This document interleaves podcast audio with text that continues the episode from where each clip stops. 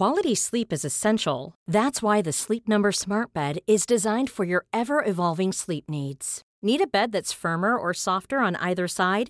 Helps you sleep at a comfortable temperature? Sleep Number Smart Beds let you individualize your comfort so you sleep better together. JD Power ranks Sleep Number number 1 in customer satisfaction with mattresses purchased in-store. And now save 40% on the Sleep Number limited edition Smart Bed for a limited time. For JD Power 2023 award information, visit jdpower.com/awards. Only at Sleep Number stores or sleepnumber.com. Planning for your next trip? Elevate your travel style with Quince. Quince has all the jet-setting essentials you'll want for your next getaway, like European linen, premium luggage options, buttery soft Italian leather bags, and so much more. And is all priced at 50 to 80% less than similar brands. Plus, Quince only works with factories that use safe and ethical manufacturing practices. Pack your bags with high-quality essentials you'll be wearing for vacations to come with Quince. Go to quince.com/pack for free shipping and 365-day returns. There's never been a faster or easier way to start your weight loss journey than with PlushCare. PlushCare accepts most insurance plans and gives you online access to board-certified physicians who can prescribe FDA-approved weight loss medications like Wigovi and Zepbound for those who qualify. Take charge of your health and speak with a board-certified physician about a weight loss plan that's right for you. Get started today at plushcare.com slash weight loss. That's plushcare.com slash weight loss. plushcare.com slash weight loss.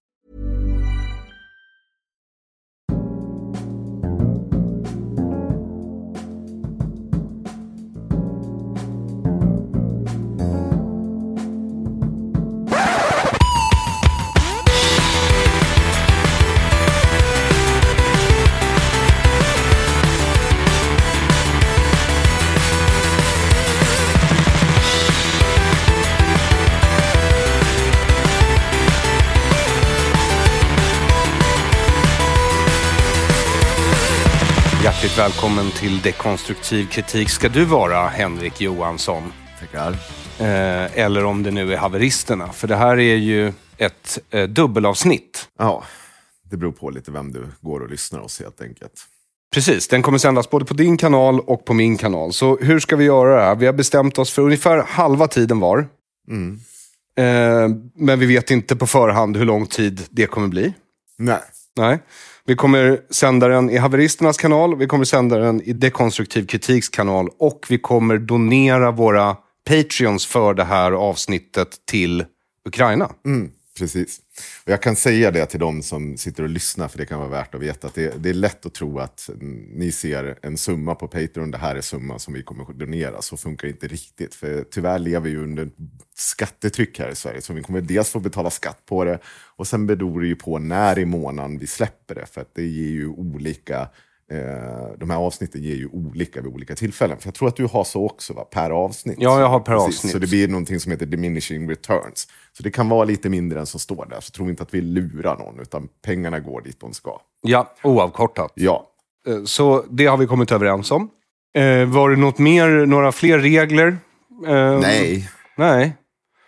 Eh, Jag har inte för avsikt att göra det här till en skrikmatch. Det är därför jag har eh, gjort så mycket research och printat ut. Men som jag sa till dig innan vi började så tänkte jag eh, utnyttja i alla fall eh, en del av min tid till att göra ett eh, relativt normalt dekonstruktiv kritikavsnitt.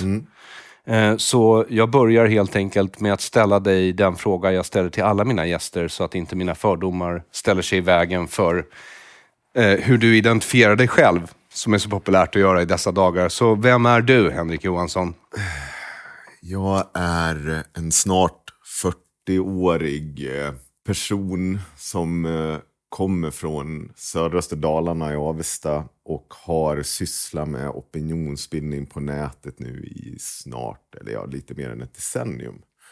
Eh, på olika sätt, men alltid förhållit mig vid Dalarna. Och sen har jag ju då varit engagerad i arbetarrörelsen eh, som ombudsman och förtroendevald och liksom på olika nivåer som facklig.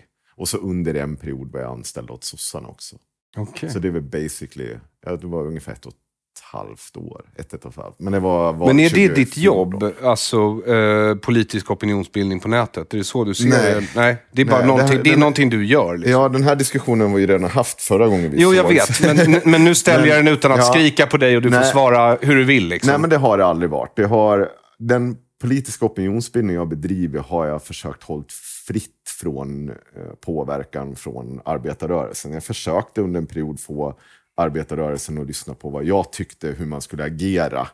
Eh, det gjorde man inte och jag insåg till slut att det är ingen idé att försöka eh, få dem att fatta vad jag gör eller hur man ska göra sånt här. För de lyssnar inte och de är alltid fyra, fem, sex år sena. Så att jag valde att snarare jobba mot att stå helt fritt från det där. För att jag skulle kunna Det låter som du har samma problem med sossarna som jag. I alla fall delvis. Fem eller sex år sena och lyssnar inte på vad jag säger. Nej, så men, men, ehm, men ser du dig själv eh, tillhörande arbetarrörelsen fortfarande? Eller? Självklart, eftersom jag är en ombudsman. Jag jobbar ju som ombudsman idag åt eh, Fastighetsanställdas förbund. Men när jag sitter och gör sån här opinionsbildning så har ju de ingen kontroll över det. Och så ska det vara. För annars blir det lätt tjatet om att ja, men det är sossarna som styr det här. Eller att jag inte är min egen person och kan tycka mina egna saker. Jag, har, jag vill stå fritt från sånt. Så att jag har varit väldigt tydligt markerat mot dem. Och såklart, det är inte alltid de kanske vill vara med på min opinionsbildning heller. Eh, jag tänkte nästan säga begripligt där, men jag har lovat att hålla i mig ett tag i alla fall. hålla- du får, Eh, jag är inte så- särskilt stingslig över sånt där, så det är bara att köra. Nej, det vet jag att du inte är. Eh, och, och det har jag aldrig klar, anklagat dig för heller. Att Nej. du ska vara stingslig när det gäller sånt. Men då får jag fråga, så vad är poängen då med haveristerna? För du och jag har ju, som du påpekar, mötts förut. Det var ju i IRM, ett av dina äldre poddprojekt, men med många av samma personer inblandade. Eh, som haveristerna? Ja, Nej. Det fast My. Myra var väl med i IRM då ja, och just, då. ja, men hon är inte... Ja, jo precis. Och, och Magnus Esser är väl med och klipper, Klipper. haveristerna och han var med i IRM. Mm. Eh, Axel var inte med i IRM. Nej. Så honom har jag aldrig träffat personligen. faktiskt. Men ja, vem du frågar. eh, okej. ja, om man frågar Axel. Ja, han var hundra, men han var med och grundade i den. Ah, okej. Ja, men all right. Ja, men Ja. då vet jag. Ehm, så om man frågar resten av världen då? Nej men så här, nej, men, så här vi, vi börjar med att Ja. faktiskt, det, nej, då jag glömde av Myra, men hon har ju liksom slutat för ett och ett halvt år sedan. Och, eh, hon var med, absolut, och starta eh, igång haveristerna. Men sen drog ju hon för ett och ett halvt år sedan och sen kom ju eh, Magnus in efter det när vi behövde en ny klippare. Så ja visst, det är ju folk jag känner från den världen, men de, det har ju mer att göra med deras kompetens att göra. Magnus Fast är eh, ni, ni, ni är väl eh, Kompisar. kompisar? Ja. Och eh, man kan väl säga att eh, ni i alla fall ideologiskt drar åt samma håll. Även om ni... inte, Jag skulle nog inte säga att Magnus och jag drar jättemycket åt samma ideologiska håll. Aha. Okej. Ja, det var en överraskning. Men, men jag Mm. får helt enkelt ta dig på ditt ord. Jag har inte så mycket val liksom. Nej, han gillar Eh. inte sossarna. Han är ännu mer extrem än vad du är då? Ja, okej. Ja, men, eh, ha, och vad, men vad är målet med haveristerna? Vad är syftet liksom? Syftet är att granska och göra satir på svensk samtidspolitik, kan man väl uttrycka det som. Eh, och du kommer säkert fråga någonting om vår ton, så jag tänker liksom eh, avvakta med att svara på den frågan. Men det är väldigt enkelt att samma sätt, egentligen är det förlängningen ganska mycket av det vi har gjort med IRM. Vi gjorde extremt mycket satir på Sverigedemokraterna. Fast det här är väl den satiren och det vi skrattar åt själva. Alltså när det blir för jävla dumt. Eh, och det började väldigt mycket som Alltså det var ju ett spontant projekt som alla de här jävla poddarna förmodligen börjar när det är någon som tycker att jag, jag kan en hel del om en hel del. Sitta på fyllan och gagga på Discord. Och så ska man säga, det här borde ju folk höra, vi är ju jätteroliga. Och så gick det ett år så insåg vi att vi kanske inte är så jävla kul att vara packad hela tiden för att kunna spela in en podd. Vi kanske måste vara lite mer åt det seriösa hållet också, det vill säga att planera mer för liksom avsnitten, komma med tydliga ämnen. Sen kan vi väl vara fulla, liksom ha en sån, men, men, men liksom styra upp den där verksamheten lite mer. Och när vi gjorde det så såg vi också att det fanns en publik för det vi gjorde. Men, men eh, skulle ska du säga då att... Men, för det, för det i, i min värld så är ju eh, satiriker verkligen eh, en yrkestitel man förtjänar. Men, men det är så du, ni ser er, satiriker. Ja, jag tror att du kommer få en defini- olika definitioner på alla oss tre. Du frågar mig, så jag måste ju svara för mig. Eh, Axel har ju liksom, det kan ju gå upp och ner och högt och lågt och var som helst. Men jag ser det som en, liksom en satirisk podd som gör granskningar. Alltså så här, en kulturell... Jag vet inte vad en, en kille som jag känner, en journalist som sa att men ni, ni, det är ju ett kulturellt uttryck det ni gör. Alltså där liksom det blandas högt och lågt. Där den ena dagen så kan man få en granskning av Linnea Claesson som faktiskt går in och går igenom varenda jävla dokument om hur hon har jobbat för statliga medel utan att aldrig dykt upp på jobb i princip. Medan andra dagen så sitter Axel och skriker horunge åt någon. Mm. Och det kan ske i samma avsnitt också. Det kan se ske i samma avsnitt också. Så, eh, ja. ehm, då så. Men, då, men det, det, det är liksom så du ser det. Det är en satirisk podd. Mm. Den, den lyder under liksom satirens lagar. Ja, men också journalismens lagar. Du, du, de går ju in och ur, ut, ut ur varandra. Du kan inte säga att det här är en journalistisk produkt enbart. För då skulle vi inte kunna sitta och gagga som vi gör. Nej. Eh, Jan, förlåt, vi sitter och spelar in. Eh, det här kommer vara med i avsnittet. Ja, för vi, vi kommer inte klippa bort någonting, Jan. Men, men kan du stänga dörren sen på vägen ut? Toppen. Eh, vet du, ja, men för, alltså, jag kallar mig ju aldrig journalist, utan jag ser mig som satiriker, komiker, skribent. Journalist har jag aldrig kallat mig. Nej, men därför att journalistiken, i alla fall traditionellt sett och de, i bredare lager, då, då har de ju ett neutralitetsideal, de har ett objektivitetsideal. Sen om de inte alltid lever upp till det, det är ju en helt annan sak. Men det är idealen de strävar efter. En satiriker gör ju inte det. Absolut, men du kan inte, så här, jag, jag påstår inte att vi är en strikt journalistisk, eh, alltså jag fattar ju att de här sakerna, eh, vi skulle inte kunna kalla oss journalister, för att det skulle, vi skulle pissa på det yrket ganska hårt. Däremot så, så kan vi göra granskningar som en journalist kan titta på. Så här, vi, vi, nu visar jag på bordet här, det kommer inte vara liksom, jag, det står ett glas vatten, det står ett ljus och så din socialism är ondska-mugg som jag sitter och dricker med gott kaffe ur. Men säg att den här socialism är ondska, det är journalistiken. Ehm, det här ljuset, det är satiren och eh, det här glaset med vatten, det är någonting annat. Axel som skriker horunge. ja, precis. Ja. Eh, det betyder ju inte att om vi lägger fram ett case eh, där vi kan påvisa med paper trail eller vad fan det nu än må vara om att Linnea Claesson har gjort det här och det här. Att det försvinner bara för att Axel har skrikit horunge eller att jag har gjort någon långdraget skämt. Absolut Så den, det vi syftar till, och det var det vi gjorde med IRM också, det är att det ska finnas någonting här i grunden som en journalist kan ta och förfina och städa bort. Medan vi vill nå ut till kanske massorna som vill liksom göra det lättillgängligt med politik och så vidare. Och så gör vi det på olika sätt och har förmodligen olika inställningar till också för den delen. Jag förstår. Men, men, men har ni inte diskuterat liksom övergripande vad ni som grupp försöker åstadkomma? Eller är det liksom helt...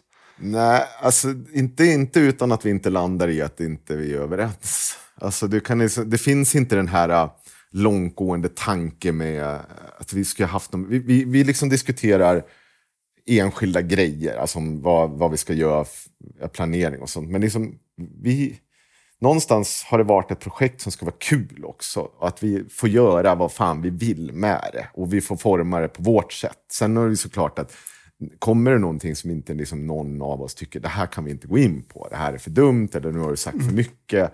Eh, då tar vi ju den diskussionen då. Men de ramarna är extremt flytande. Jag skulle vilja vara en fluga på väggen när ni diskuterar om ni har sagt för mycket eller inte. eh, för, eh, ja. Eh, Hittills har jag inte hittat era gränser. Och då, jag, menar, jag, jag har lyssnat, inte så mycket på er, men för det här avsnittet har jag faktiskt gjort research. Om inte för min egen skull, så för soldaterna i Ukrainas skull. Eller kvinnorna, eller barnen, eller vad det nu blir ni ger era pengar till. Det, det får stå för er. Om ni vill skicka dem direkt till Azov, eller hur ni ska göra. men, men ehm, så eh, får jag bara, innan, innan vi går vidare, vad hoppas du på med det här avsnittet då? Nu när jag har fått hit dig liksom. Eh, För du har ändå kört Ja. från Dalarna om jag har förstått Ja, saken. då, för fan. Jag, nej, men jag, egentligen hade jag velat haft att det skulle vara Axel som skulle ta det här avsnittet. Och det har jag tjatat ganska hårt på honom, att det är han som skulle ta det här. För ni har båda snackat en hel del skit om mig. Alltså jag har, jag vill bara innan du fortsätter, så vill jag avslöja att jag på datorn så har jag den här tjänsten allears.ai. Vet du vad det är? Nej, Okej, det är som en sökmotor för ljud. okej. Så om jag skriver in eh, liksom en, en sökfras och sen så väljer jag vilken, vilket medium, vilken källare jag vill söka i. typ Så er Det här podd. låter som en grej jag vill ha. Ja, men det här är, det, Ja, det är en okej. jätte, jättebra produkt. Ja. den hittar ju inte det som ligger bakom er paywall, men allting som är offentligt eh, får jag upp som en lista om jag vill. Mm. Eh, så det gjorde jag innan det här avsnittet. Så då har jag, det är inte för alltid, men det jag tror det senaste ett eller ett och ett halvt Mm. åren, varje gång jag nämns till exempel, eller varje gång Henrik Mm. Jönsson nämns, eller varje gång David Eberhardt nämns, eller eh, så... ehm, så eh, jag, jag har allt det på datorn här. Ja. Och det är ju, eh, ni, ni nämner ju mig alltså väldigt många gånger. Väldigt, väldigt ofta. Jag skulle säga att det är nästan vartannat avsnitt de senaste ett och ett halvt åren.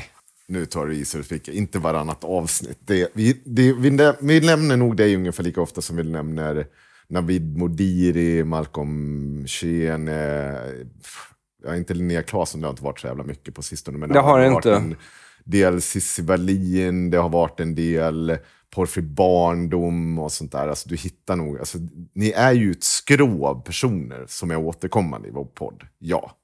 Så är det Jag ska utan förklara likheten mellan dessa sen också. Ja, men vi kan bara lyssna på det här ljudklippet Mm. först. Jag har dragit ihop några, bara lite snabbt, för det var så... Kommer du, kommer du klipp, klipper du in det sen, eller hörs det här? Det här hörs här. Ja, okej. Jag bara Ja. tar det mot min mick. Ja, Du kommer kör. höra det. Ja,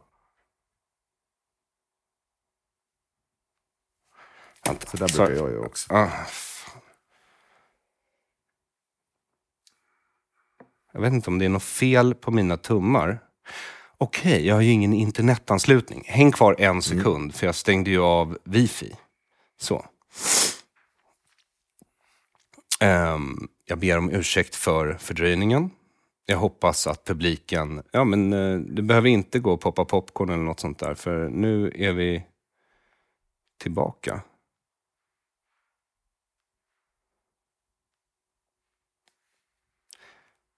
Nu då? Det skulle aldrig falla mig in att tro att Aron Flam har bidragit till forskningsläget. Och det är helt bisarrt för mig att folk tar honom och hans bok på allvar med tanke på vilken ärkepajas han är.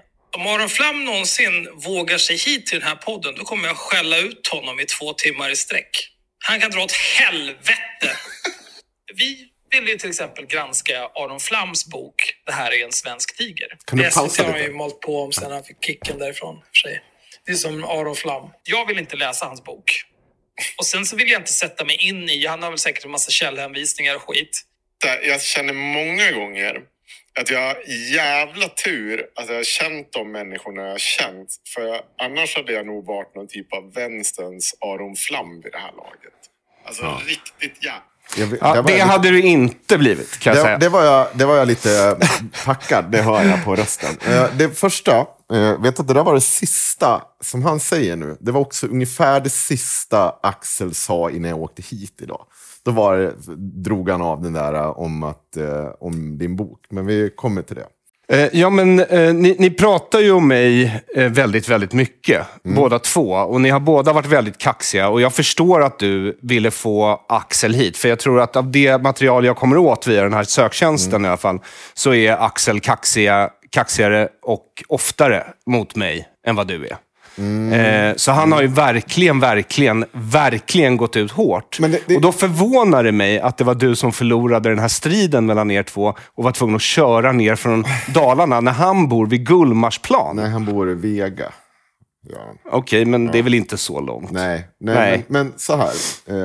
Det har ju du också sagt att du påstår att han har tackat nej till det här. Och det stämmer ju inte. Han har ju tackat absolut ja till att göra det här. Han, gör, han sa att ni skulle göra det här över sängkaster. Det var allt.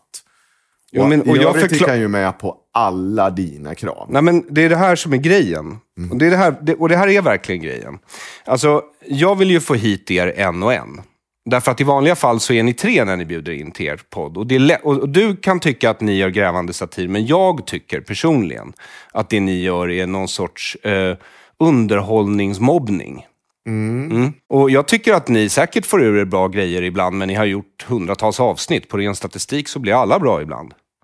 Ja, om, om man är jag, Hen Henrik. Ja, ja. Förstår du vad jag menar? Det är min åsikt. Eh, och, och sen så är det ju så att det är lätt då, det, alltså för den uppfattning jag får, det är precis som du säger, vi sitter fulla och snackar på Discord, det här kan vi göra som podd. Ja, Det är den uppfattning man får, av- i alla fall av Axel Luo Öhman.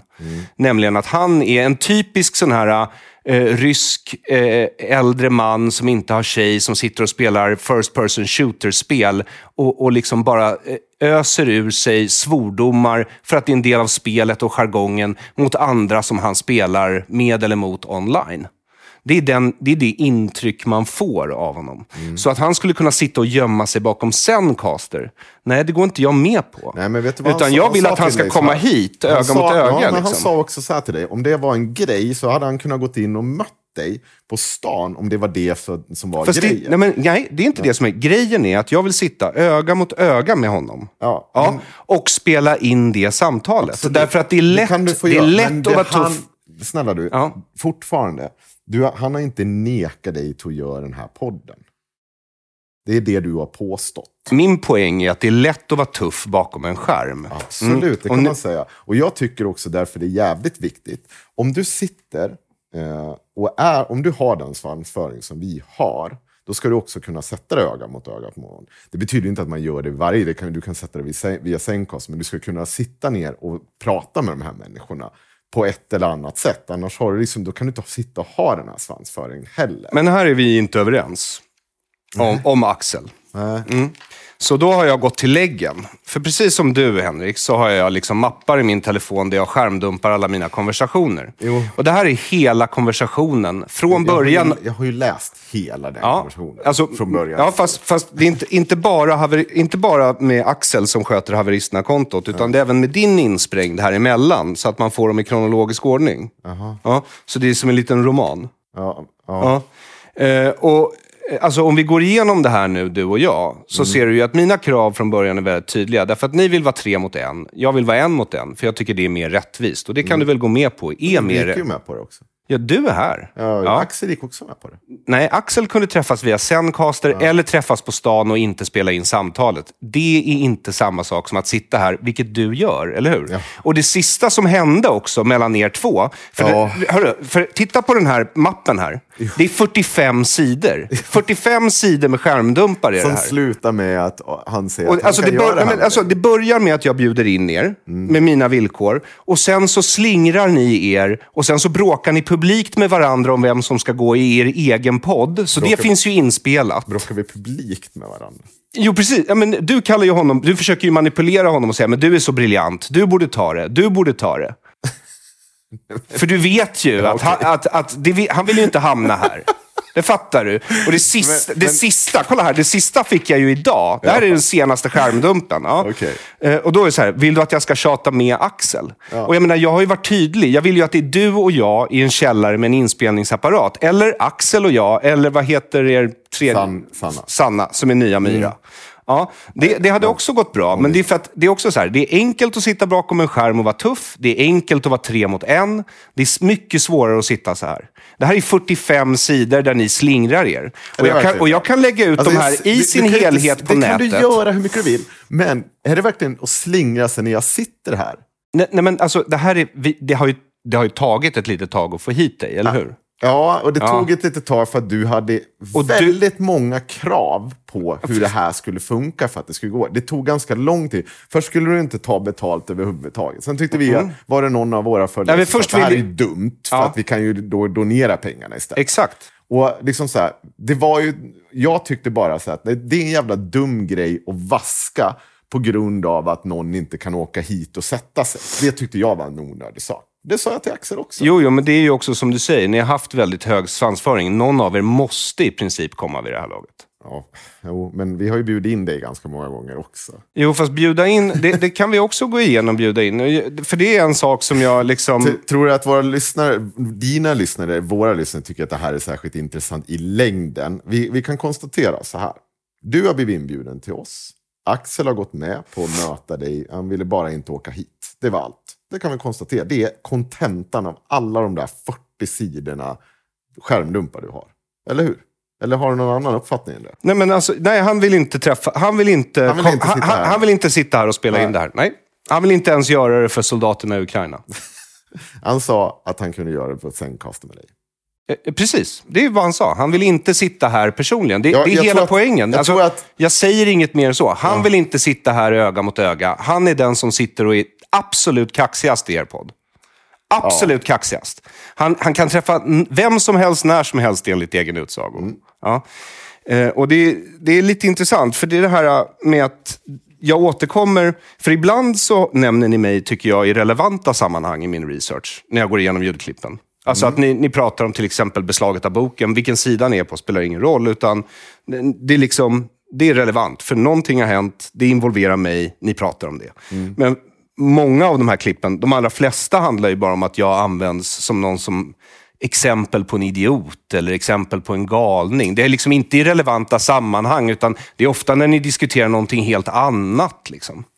Ja, ja, vi kan återkomma till varför. Alltså så här, eller så här, det behöver vi inte alls. Det. Jag, finner dig, jag finner dig i ett skrå av människor som passar väl in på vår podd och vad vi tycker är dumt med den samtida debatten på många sätt och vis. Och du, jag, jag hittade ett ord för eh, som jag tänkte liksom när, jag, eh, när vi hade sett och lyssnat på, för vi var på en liten grej igår eh, med massa vänstermänniskor. Och så kom ju eh, Kajsa Ekis Ekman upp på tal. Och då sa jag att det här är, eh, hon, hon säger ju, alltså det finns ju ingen människa som älskar att säga att hon är så intellektuell som hon gör om sig själv. Alltså det är, hit, jag skrev det idag, hitta någon som älskar det lika mycket som Kajsa Ekis Ekman älskar att säga att hon själv är intellektuell. Då har du lyckats bra. Men poängen var så här, att ni är en sorts personer som jag flera gånger har sagt i vår podd också, att jag tycker jag finner dig eh, intellektuell till en viss gräns. För så fort det här inte, liksom, verkligheten bekräftar dina teser, då ballar det ur. Då spårar det fullständigt. Då, då drar du till med vilket jävla kort ur, eller liksom drar vilket jävla kort ur röven som helst.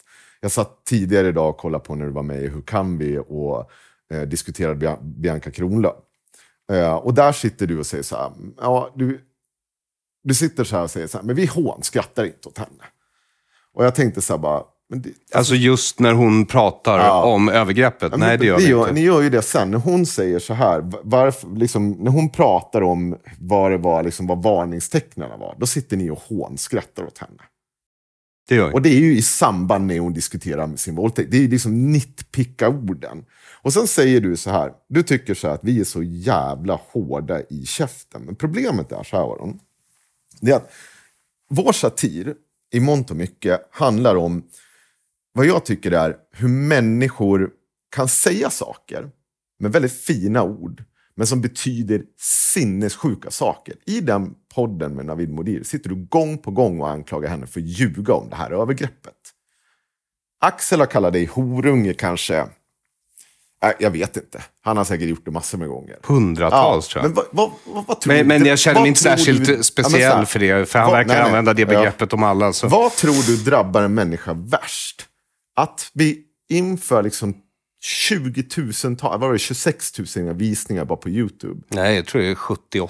Nej, 26 tror jag var på YouTube. Sen har det säkert massa Jaha, så hur kan vi? Ja, men själva, själva Ja, ja, ja. Men- liksom reaction-videon har ju... Men vad tror du drabbar en människa väst, värst? Av att bli kallad ett fult ord eller få liksom så här, bli anklagad för att hitta på den här våldtäkten? På inga som helst tydliga grunder.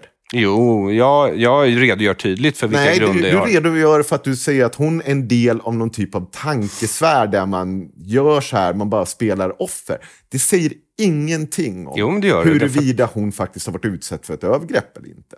Eh, Alltså, jag säger vad jag tror. Och jag ser ett visst beteende hos Bianca. Ja, men det är väldigt löst. Alltså snälla du, jag har, eh, jag har sagt att Linnea Claesson är en lögnare. Men när jag gjorde det, Mm. då hade vi lagt tre år av research. Vi eller Myra? Myra har inte gjort ett skit av den researchen. Det är jag. Okej. Så tre år samlar den där jävla researchen. Och innan vi faktiskt riktar de här tydliga anklagelserna om att det här ljög du för på grund av detta. Vi tycker det här är helt jävla osannolikt. Det finns en massa saker. V- vad jag vet så är så här, vad har Bianca gjort för att förtjäna det? Hon ljuger om är det. Så, vad är det hon, du, du säger bara att hon ljuger. Eh, ja, alltså hon vill ju få någonting till en våldtäkt som inte är en våldtäkt. Hon berättar en kort snutt om någonting hon anser är ett övergrepp. Ja, och sen, du vet fråga, ju och sen, frågar, hon insin, dem. och sen frågar hon insinuant varje gång, är det här våldtäkt? Och sen så pratar hon om att våldtäkt borde inte vara här, det borde få vara var som helst. Så det, det handlar ju om Jag att... tror rel- inte hon säger att Jo, nej, men det gör, vara vad som nej, helst. men det gör du. Kan titta på, alltså, Nej. du kan titta på Min sanning med Bianca Kronlöf. Den finns ju på nätet. Ja, jag vet, jag har sett den. Men Ja. hon säger inte så. Aron. Jo. Ja, okej. jo, men det gör hon. Ja, visst. Alltså nu har jag inte lägg på det. Däremot så har jag ju lägg på just hur ni slingrade er för att ta er till den här podden. Men jag ska spela upp en sak till för er. Absolut. Ehm, eh, det kommer bli eh, intressant. Det är ett klipp från Haveristerna och det är avsnitt 91. Så här ser det ut på All Ears förut. Så får man liksom, Vilket, vad heter det? Livets dinosaurus? så får man till och med, du ser, man ser, Ja. ja, Jag skulle aldrig göra en video med eh, hur många patrons Wallin och Drugge har, hur många patrons Garbet har, hur många patrons Marcus och Malcolm har, hur många patrons Aron Flam har och hur jävla många fler patrons vi har. Nej, du skulle aldrig göra en sån video och sen lägga upp den inte helt fucked up kroppar. Ni nämner mig så ofta, så när jag började lyssna igenom det här nu för tre dagar sedan, alla, alla de här publika snuttarna. Eh, jag, jag, vet att ni kanske ville att jag skulle bli förolämpad, men det var så mycket så jag blev nästan smickrad på något sjukt sätt. Därför att eh, och, och här, här, jag spelade upp det här klippet därför att det är så tydligt här. Det, det här alltså, I alla fall Axel, det är tydligt att han drivs av avund. Sista meningen i det här klippet, nej, men sista klippet, meningen i det här klippet jag spelar upp med, med dig alldeles nyss, kommer du ihåg det? Det är ju du som säger jag hade kunnat bli någon sorts vänsterns Aron Flam. Ja. Ja. Eh, och det förvånar mig inte att det drivs så starkt av avund, haveristerna. Därför att socialismen drivs väldigt starkt av avund. Det är en väldigt ful mänsklig känsla som går ut på att man liksom vill förstöra för andra som har mer eller som har lyckats bättre för att de är starkare, smartare, snyggare, jobbar hårdare. Eh, det, det är exakt samma känsla för övrigt. För jag läste ju frågorna som era lyssnare ja. skrev. Och då frågade de eh, någonting om så här, avskya socialismen. Och då hade någon annan lyssnare svarat på den första frågan, så jag hann inte svara själv. Eh, att eh, nej, men socialism och antisemitism är samma sak och det är Arons standardsvar. Ja, men i det här fallet så kan jag faktiskt förklara det för dig om du vill. Hur med, alltså förklara vad? Att Nej, men sambandet mellan... mellan avund inom antisemitism och socialism. Ja, jättegärna. Ja, men, därför att under, under medeltiden, och det var ju många hundratals år, Ja. eh, då föddes ju de flesta i samhället till det de var. Det, det, det fanns liksom inte så mycket att vara avundsjuk på när det gällde andra, därför att de var födda till det och du var född till det och sådär. Ja. Men det fanns ju undantag för det här och det var ju köpmannaklassen. Köpmannaklassen var ju de som hade lite större frihet. De fick ju handla, de kunde bli rika och blev de rika så var det ju inte för att de hade ärvt det som en adelsman eller en kung, utan de hade ju jobbat sig till det. Så avunden riktades väldigt ofta mot köpmannaklassen. När kungen försökte avleda, liksom, så här, okej nu hade han fuckat upp något krig eller så svalt då skyllde han liksom på köpmannaklassen.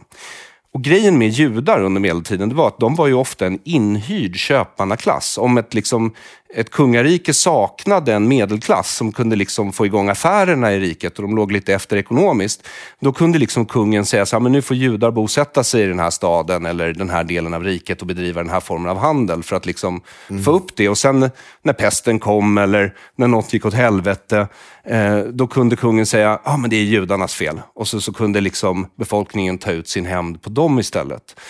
Så man ser ju liksom att avund ligger ju i botten även av antisemitismen. Det är ju en avund mot juden för hans flit, hans framgång, hans utanförskap till viss del som ändå eh, medföljer viss frihet ibland. Även om det är förtryck också så finns det fri, eh, eh större friheter där. Och socialismen, tycker jag, alltså jag bara förklarar, den bygger på avund. Det är avund mot de som är starkare, snabbare, bättre. Den vill riva ner dem snarare än att bygga upp alla andra. Det är så jag ser det. Ja. Eh, Och jag förstår att du inte håller med, såklart. Men, men, men, men Nej, jag vet inte. Ty- Tycker du att, jag säger som, jag tror var, ja, faktiskt som vi tog, tog upp där, Kajsa Ekis, tycker du att du låter smart när du säger sådär? Alltså, Ja, fast alltså, Axel återkommer till det här med hur många patreons ni har, hur mycket pengar ni drar in. Väldigt, väldigt tror ofta. inte du att det är lite del i satiren? Va? Att det är när han håller på sådär? Fast alltså ni, Du, ni, ni, näm, skrattar ni, näm, ni, nä- ni nämner mig så ofta i så många aparta eh, sammanhang. Det gäller också Henrik Jönsson, Navid Modiri. Och visst, ni förolämpar även folk inom vänstern. Mm. Men det är betydligt färre. Såklart, Ja, eftersom betydligt vi, vi, färre. vi är åt vänster ja. allihopa. A, a, absolut. Och, och jag ser er aldrig ge er på regeringsföreträdare. Det har jag inte sett en enda gång. I, och, och jag kan Det- söka på namn. Ja, det får du nog göra. För det tror jag vi har Så- gjort ganska många. Vi har diskuterat Stefan Löfven, eh, vi har diskuterat... Måste vara bakom paywall i så fall. Nej, det är jag ganska säker på. Men, nej, men absolut. det sökte nej, men, jag. Nej, men det är väl inget konstigt. Så, här, fortfarande, absolut. Vi är ju fortfarande vänster, men vi har ju skällt över regeringen och arbetarrörelsen ganska många gånger. Ja, Ja, det, det är inte så ja, ja men jag, har- jag har inte hittat det. Nej, nej. Nej. nej. har du, s- ja. Ja, men, men, alltså, jag, jag, Men- men- jag kan inte lägga hela mitt liv här, på det. Det här men, klippet men, du körde nyss, Ja. alltså, det säger ju ingenting om något. Alltså, det är ju Axels standard att vi ska bli rika, staten är förslavar oss och liksom säger ganska mycket saker som du förmodligen skulle hålla med om. ja, Eh, möjligt. Och, och liksom så här, det är ju standardtugg från honom. Ja, men alltså, jag har inte sagt att jag inte håller med er om allt ni säger. Jag bara säger, vissa saker håller jag inte med Men det var er bara om. konstig grej att dra liksom hela antisemi, Nej, antisemitism. nej, nej, men, nej, men, jag, inte. jag, jag ville bara... För, alltså, eftersom en av era lyssnare hade skrivit den frågan Ja, ja. eh, så vill jag förklara varför man kan se ett visst samband mellan dem. Därför att en stor del av de socialistiska revelationerna i socialismens gryning riktade sig faktiskt mot köpmannaklassen. ja mm. Eh, och mot de mer framgångsrika bönderna, kulakerna i Sovjetunionen. Det var ju det som hände. Deras mindre framgångsrika eh, kollegor vände sig emot dem. Vad tänker du? Jag måste nästan ställa den frågan när vi ändå är inne på Antis. Vad tänker du? Du står ju och tar emot pris från Jan Sjunnesson som arbetar för en antisemitisk tidning. Hur fan tänker Gör han? du kring... Ja, Vilken nya då? tider. Jaha, det visste inte jag. Okej. Har du hade inte koll på Sjunnesson Ja, är? alltså, han, har, Jan- han alltså, har en rasistisk men- karriär i Sverige. Alltså, jag har ju en sån koll på Jan Sjunnesson att jag vet att han har anklagats för rasism och jag vet också att han har anklagats för att vara kommunist för han har varit med i vänstern.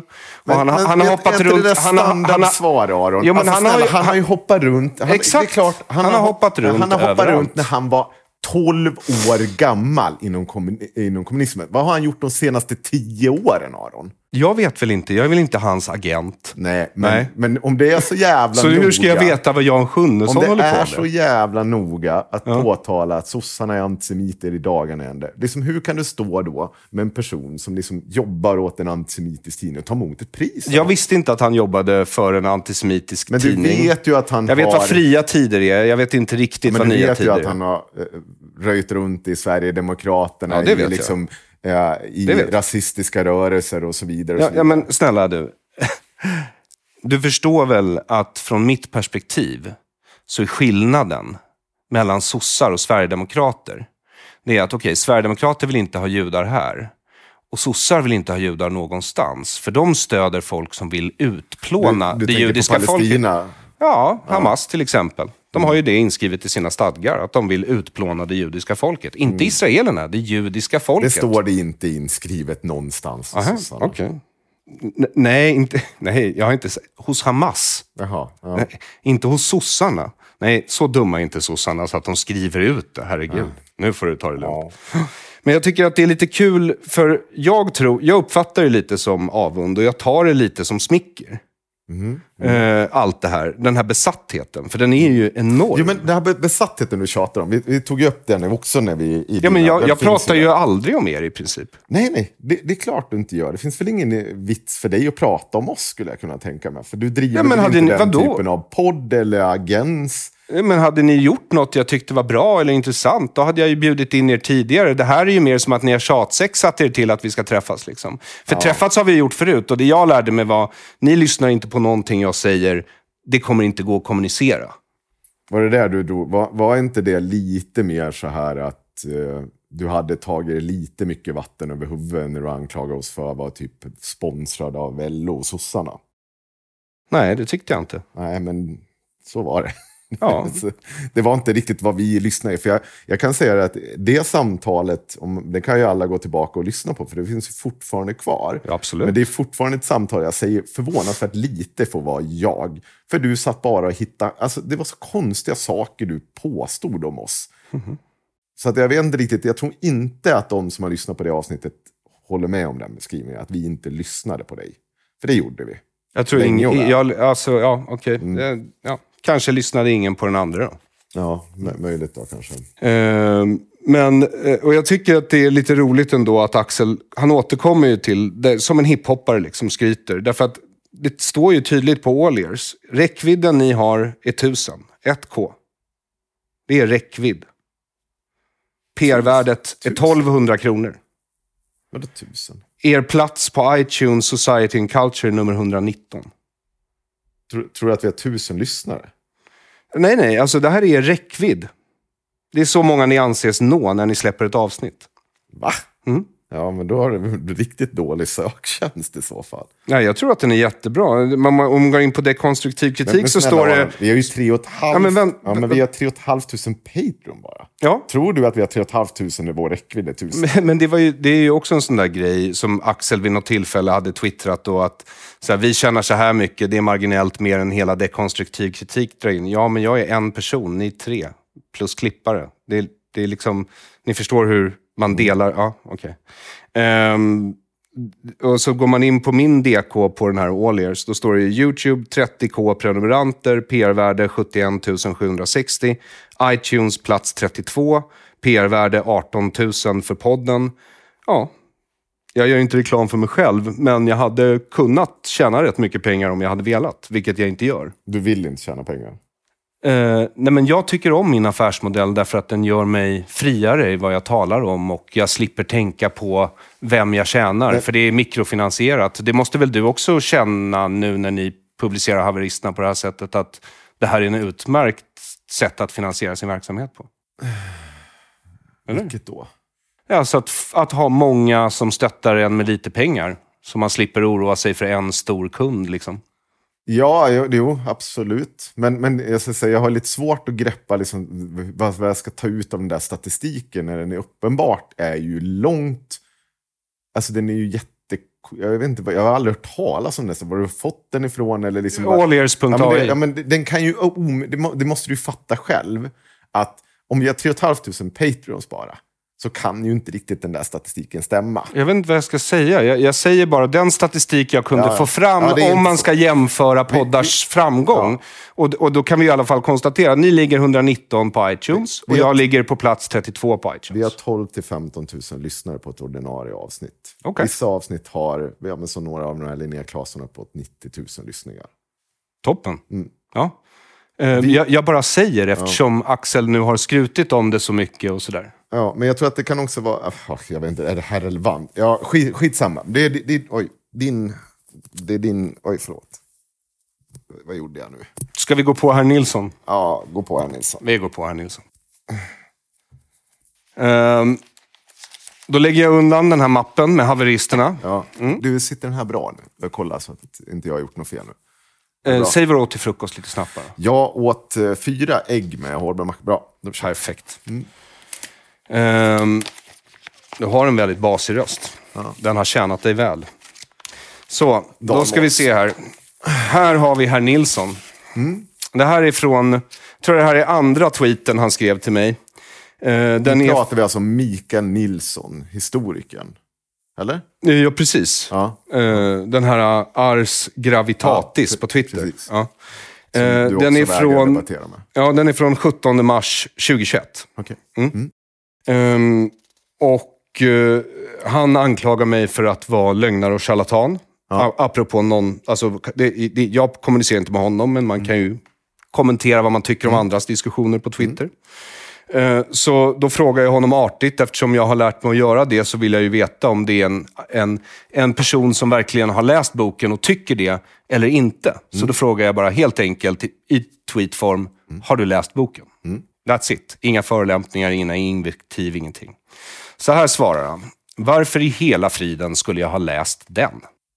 Tror du att du har bidragit till forskningsläget? Frågetecken, utropstecken. Men skicka ett recensionsex så ska jag gå igenom varenda fotnot, påstående och citat gällande Sverige och andra världskriget. Kan göra det i trådar här på Twitter. Det blir kul. Smiley. Mm. Det här är liksom vår första... Mm. Eh, och då vet du inte det, men, men, men, eller så vet du det, jag vet inte. Jag ska inte förutsätta vad du vet och inte vet, Henrik. Men, men nu är det så att om man kallar någon lögnare och charlatan, inom debatt så kallas det ad hominem. Det är personangrepp helt enkelt. Och inleder någon med personangrepp, eh, då finns det egentligen bara två strategier du kan ta till. Och den ena är tystnad och det andra är ad hominem. Alltså att gå till personangrepp tillbaka. Därför att personen har ju visat att han går på din person och inte på ditt sakargument. Det är det första han gör. Sen är det också så att den här tweeten visar ju på konfirmationsbias. Det är väldigt allvarligt om man kallar sig forskare, att man har konfirmationsbias. Och det syns ju tydligt, därför att han säger ju, varför i hela friden skulle jag ha läst den? Han har alltså slutsatsen klar för sig innan han har läst boken. Nej, inte nödvändigtvis. Det kan finnas flera orsaker till varför man gör det. det, och det vet du vad det kallas när man gör sådär Aron? Det kallas att, eh, vad heter det, jag kommer inte ihåg vad det heter på engelska, men det heter ju falska val. Det bara finns två alternativ som du lägger fram här. Det Falsk flera. liknelse. Ja, falsk, ja, ja, skitsamma. Vi bör, det är ju ing, Eller false dichotomy. Ja, skit Ah, samma. Ah, ja. Det- Folk fattar. Det finns fler vägar än de två du just har lagt upp. Det, till exempel kan det vara så här att när Micke ser diskussionen om din bok, han kan se eh, han kan ha sett till exempel eh, recensioner, han kan ha sett saker som har tagits ur boken och han tycker att det här ser fan, det här är ju bara hittepå, vad är det för snack? Eller hur du har pratat om din bok, du har ju pratat om ganska mycket om dina slutsatser och så vidare. Så kan han tänkt så här, nej men det här stämmer ju inte. Det här kan ju inte, det här kan ju inte liksom på riktigt, vad vad sitter han och svamlar om? Så enkelt kan det vara. Sen har du mycket riktigt har du en poäng i att han förolämpar dig, absolut. Men herregud. Ja, nej, men jag, säger, jag säger bara, det här är vad som har hänt. Ja. Vad vi tycker om vad som har hänt, eller vad jag tycker om vad som har hänt, det tänkte inte jag blanda in så mycket här. Just nu i alla fall. Utan vill, vad du tycker är mer intressant. Så tack så mycket för den kommentaren. Då går vi vidare till nästa då. Ja. Ja. Och det här är samma dag, också den 17 mars 2021. Och det här är precis tweeten efter. Då skriver han, tanken slår mig nu att någon, in, inom cita, citationstecken, tänker osökt på undertecknad. Det vill säga, han tänker på sig själv. Kanske borde skriva en bok som granskar de lögner om svensk politik under andra världskriget som bland annat Flam torgför. Finns det något förlag som är intresserat av att ge ut en sådan nedtagning månne? Och sen en sån här fundersam emoji. Ehm, och det blev ju så här för några månader sedan att han fick ju då draghjälp av tankesmedjan Tiden, som är då LOs, Socialdemokraternas och ABFs gemensamma tankesmedja. Ehm, så eh, man kan ju säga att här så ser man ju att han från början, han har inte läst boken än. Han har redan bestämt sig. De lögner om Sven... Ja, han har redan bestämt sig. Utan att ha läst boken. Det här är Ja, allvar... men än en gång, det kan Ja, vara så det- att han har sett dig påstå saker som man vet inte Fast, stämmer. fast han vet inte om de sakerna har med boken att göra, för han har inte läst boken. Ja, men Aron, det är jättemånga som har pratat, inklusive dig själv, pratat om de slutsatserna eller de teser du driver i boken. Det har ju du hur mycket som helst. Det, det, det kan ju vara något av sånt han har plockat upp. Jag säger inte, det, vet du vad? Du har en helt legitim poäng i att det kanske inte är den bästa öppningen att säga så öppet på Twitter om du sen ska gå ut och kritisera en bok. Men det betyder ju inte, du har ju inte på något sätt hanterat hans kritik. Du är inte på något sätt peka på vad är det han ljuger, vad är det för felaktigheter liksom, i den här boken som han pekar ut. Är de fel? Har han fel i det? Alltså än så länge, ut från, om vi bara ska utgå från det här, så har han ju inte läst boken ännu. Så Nej, jag, men han har ju gjort det nu. I de här tweetsen... Han har ju gjort det nu. Absolut, men i de här tweetsen så har han fortfarande Nej. fel. Ja, för han, För han ha- har inte läst boken, så han kan inte han veta det. ha sett vad du har sagt om det eller vad som påstås ska vara i Han, boken. han pratar om boken. En nedtagning av Flams bok i poddform. Jag känner förvisso några duktiga poddare som skulle kunna hjälpa till med hårdvaran, produktion och så vidare. Tid och lust finns. Bara finansiering saknas.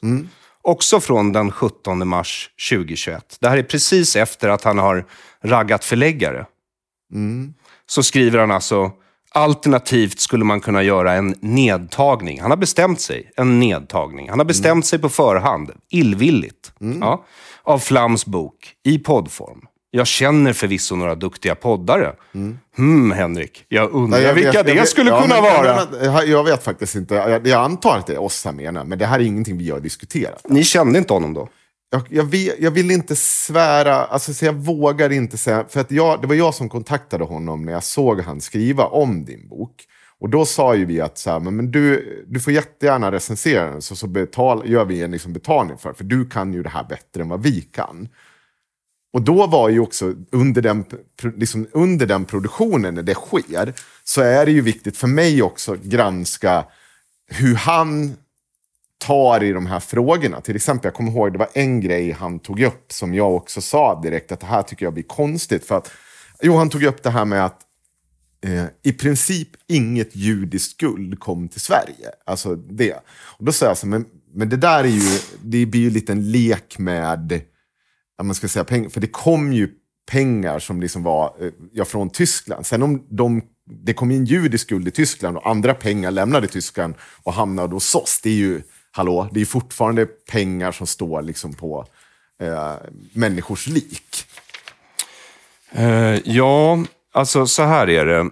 Att eh, man kan inte bevisa vilken del av det guld betal, som Tyskland betalade Sverige med som var judiskt. Men det vi vet är detta.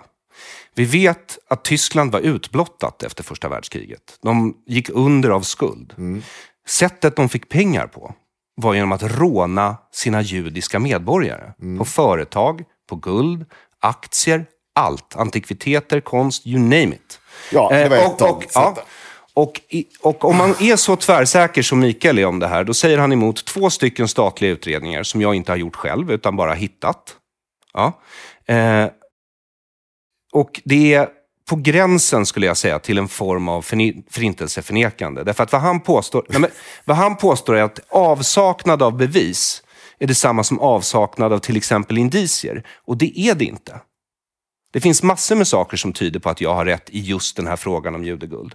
Mm, men, men hörde du inte just vad jag sa också? Att jag, det Jo, jo du är, ja absolut. Ja, till också. men men, men det, är en, alltså, det är en fruktansvärd sak av en forskare. Alltså, utöver sättet han har bemött mig på från början, som inte är särskilt forskarlikt, det kan vi väl enas om.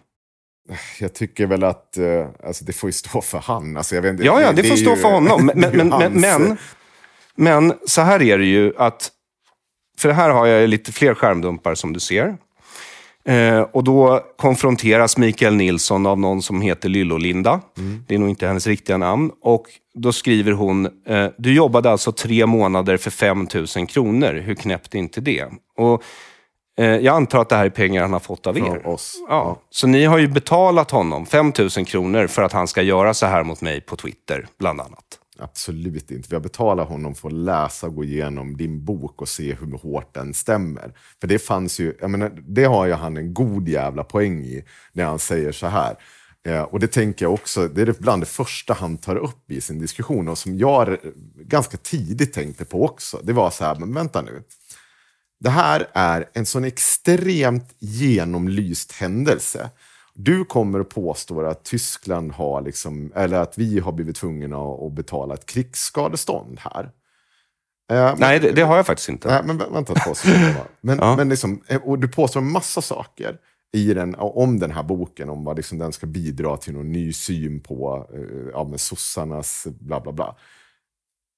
Hur kommer det sig att du har hittat allt det här som jag vet att massor av forskare har jobbat och det har skrivits mängder av böcker. Det finns, skrivit- ja, det finns en förklaring till det.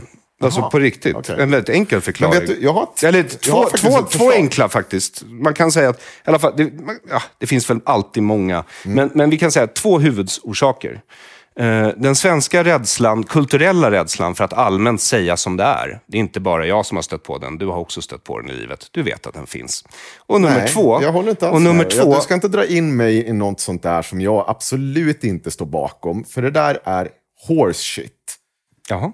Det, jag står inte alls bakom det där. Jag tror inte ett skit på det helt ärligt. Jag tror att du har fel i din tes i din bok. Jag tror också, för jag har sett Du har att... inte läst min bok? än. Nej, men vet du vad? Jag har, som du precis mycket tydligt påtalade, så har jag betalt en forskare för att läsa boken, för han kan det här bättre än vad jag kan. Okej. Men jag har ett förslag. Ja. Det var så här, i morse ringde jag Micke Nilsson. Eh, för jag, eh, precis som du säger, jag har inte gjort något tonvis av research inför det här, men jag tyckte väl ändå så här, du har gaggat om det här. Jag har ju gjort, som du ser, tonvis med Ja, research. jag ser att du har gjort en del.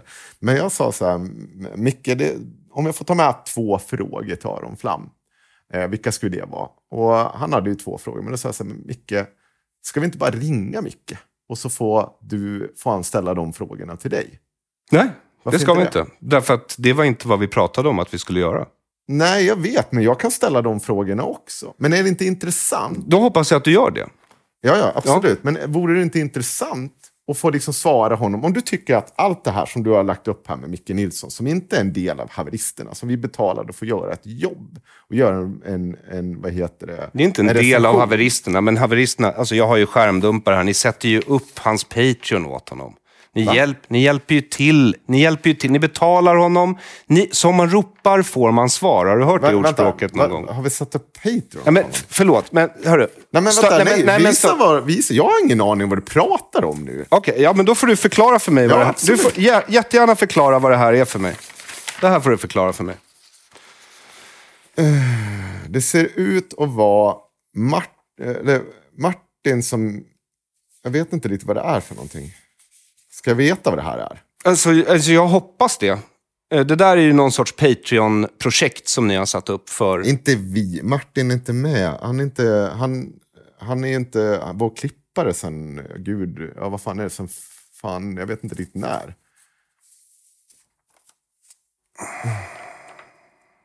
Ja, men. men Aron, tror du jag sitter och hittar på? Så här, åh, Martin. Nej, nej, nej. Alltså, Nej, men men här- jag sitter och gör research. Nu, Ja, nu, nu lägger jag Men- fram det för Ja, dig. jo, men Om jag har fel får du jättegärna rätta här, mig. För det första så här, vi, bara snabbt, Martin, den, så folk fattar vad vi pratar om. Vår tidigare, eh, vad heter det, klippare Martin, eh, slutade hos oss, eh, måste ju vara ett år sedan nu, något sånt där. I alla fall, eh, det han gör idag, han, Men det här är ett år gamla bilder. Ja, ja, men- men det, jag ska- det ska sägas Ja, att det men- här, det här är ja. från midsommar 2021. Ja, jag ska- Så han är fortfarande er klippare då? ja, jag vet inte, jag kan Alltså, inte svara på det. Men, det syns, det framgår ju av lyssna. de här Jag skärmdumparna. har ingen aning, jag hade inte ens visst, jag visste inte ens att det hade skett. Nej, men Det är som- svårt att liksom hävda som- en konspiration jag Nej, inte ens visste Nej, någonting om men, det. men jag säger bara, alltså, du förstår väl hur det ser ut utifrån från mitt Ja, men perspektiv? absolut. Men Att- att- lyssna på att- mig nu. Ja. Hör du på vad jag säger? nu? Absolut. Jag hade ingen aning om. Jag Nej, vet nej. inte ens vad det här projekt, projektinfo är för någonting. Nej, nej okej. Du förklara ser, men, hur du ser, gör. men du ser att det står Haveristerna Media Group där på, längst ner på bilden va? Ja, Ja, så det, det är ju ni som sätter upp det där. Nej, jo, det därför, är att det sker, därför att det sker i ert namn. Det står Haveristerna Media Group där. men det vänta, är ert konto det ju. här är ju det här är någon klippning. Det här är ju Kanske, inte, ja, det är kanske inte, är. Det här är ju inte... Ja, du det sa ju att det var Patreon. Jag, jag trodde det. Men det jag kanske har fel. Ja, det tror jag du har. Okej. Men, men, men, Nej, men vet du vad? Jag, jag är villig att ha fel. Ah, men vet, nej, vet du vad? För fan, nu ser jag ju, jag kanske skulle ha läst texten. Det står ju här. De flesta firar midsommar med nära och kära, men jag firar med att klippa en, po- er, en podd som haveristerna och Mikael som pratar om Arons bok. Nu kommer jag ihåg hur det här gick till. Mhm. Eh, Martin bad om att få klippa det här avsnittet, för han ville höra det före alla andra. Och då tror jag faktiskt vi redan hade bytt klippare ganska Okej. en bra stund tidigare än det här. ja. Men han ville höra det, för han är en av dina gamla lyssnare. Okej. Nej, nej, men det ser man. Ja. Det här är ingen jävla Patreon. Nej, nej, nej, nej, nej, Nej. nej, nej men, men då vet jag det i alla fall. Eh, och tack så mycket. Ja. Eh, du ser, jag kan lyssna. Ja. Eh, för här återgår vi till Mikael Nilsson. Ja. Så det här är... Men ska eh, vi inte ringa Mikael Nilsson då? Eftersom du pratar ju ganska mycket om Mikael Nilsson. men f- får vi, ka- eftersom det här är min början. ja, ja. Och så, Får jag ringa när jag har min? Ja. Alltså jag antar att jag inte kan stoppa dig faktiskt. Okej. Eller? Ja, nej, men alltså, det, det, det är väl fair Ja, enough, eller? ja, jag har ju tagit upp ljudklipp och, och grejer. Liksom. Så fin, fint. Eh, här skriver Mikael Nilsson med någon på Twitter.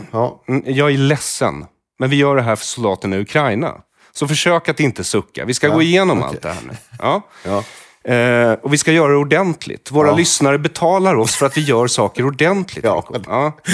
Eh, Mikael Nilsson eh, Mm. skriver, försök hålla dig till ämnet. Jag vet att det är svårt för dig, men försök. Och Det här är en tråd som handlar om just guldhandeln. Mm. Och Det här är inte jag som bråkar med honom. Det här är någon annan, som, eh, någon annan eh, anonym twittrare. Eh, eh, ämnet som den här anonyma twittraren skriver då till Mikael Nilsson. Ämnet är om det handlades med judiskt guld mellan Sverige och Tyskland. Att påstå att det guldet som handlades med inte var judiskt håller inte om man ser till Tysklands ekonomi. Alltså precis det vi pratar om. Och då skriver Mikael Nilsson, det håller inte att påstå det om man ser till evidens, men skiter man i bevis, då kan man ju påstå vad som helst. Guldet kom inte från judar, inga bevis finns för det. Punkt. Du kan sluta ljuga nu. Det är en väldigt bestämd uppfattning från någon som är forskare. Det är inte en balanserad, liksom, utan det är... Ja. Och då, då, och då, då svarar den här uh, twittraren då, jo, det är uppenbart för de som faktiskt har koll på Nazitysklands ekonomi att det inte fanns något eget guld. Tysklands ekonomi byggde helt på att roffa åt sig. Och då svarar Mikael Nilsson, jösses vilken dumskalle du är. Mm. Han är inte ett pedagogiskt geni, den här Nilsson. Nej, Nej. det får du väl tycka. Mm.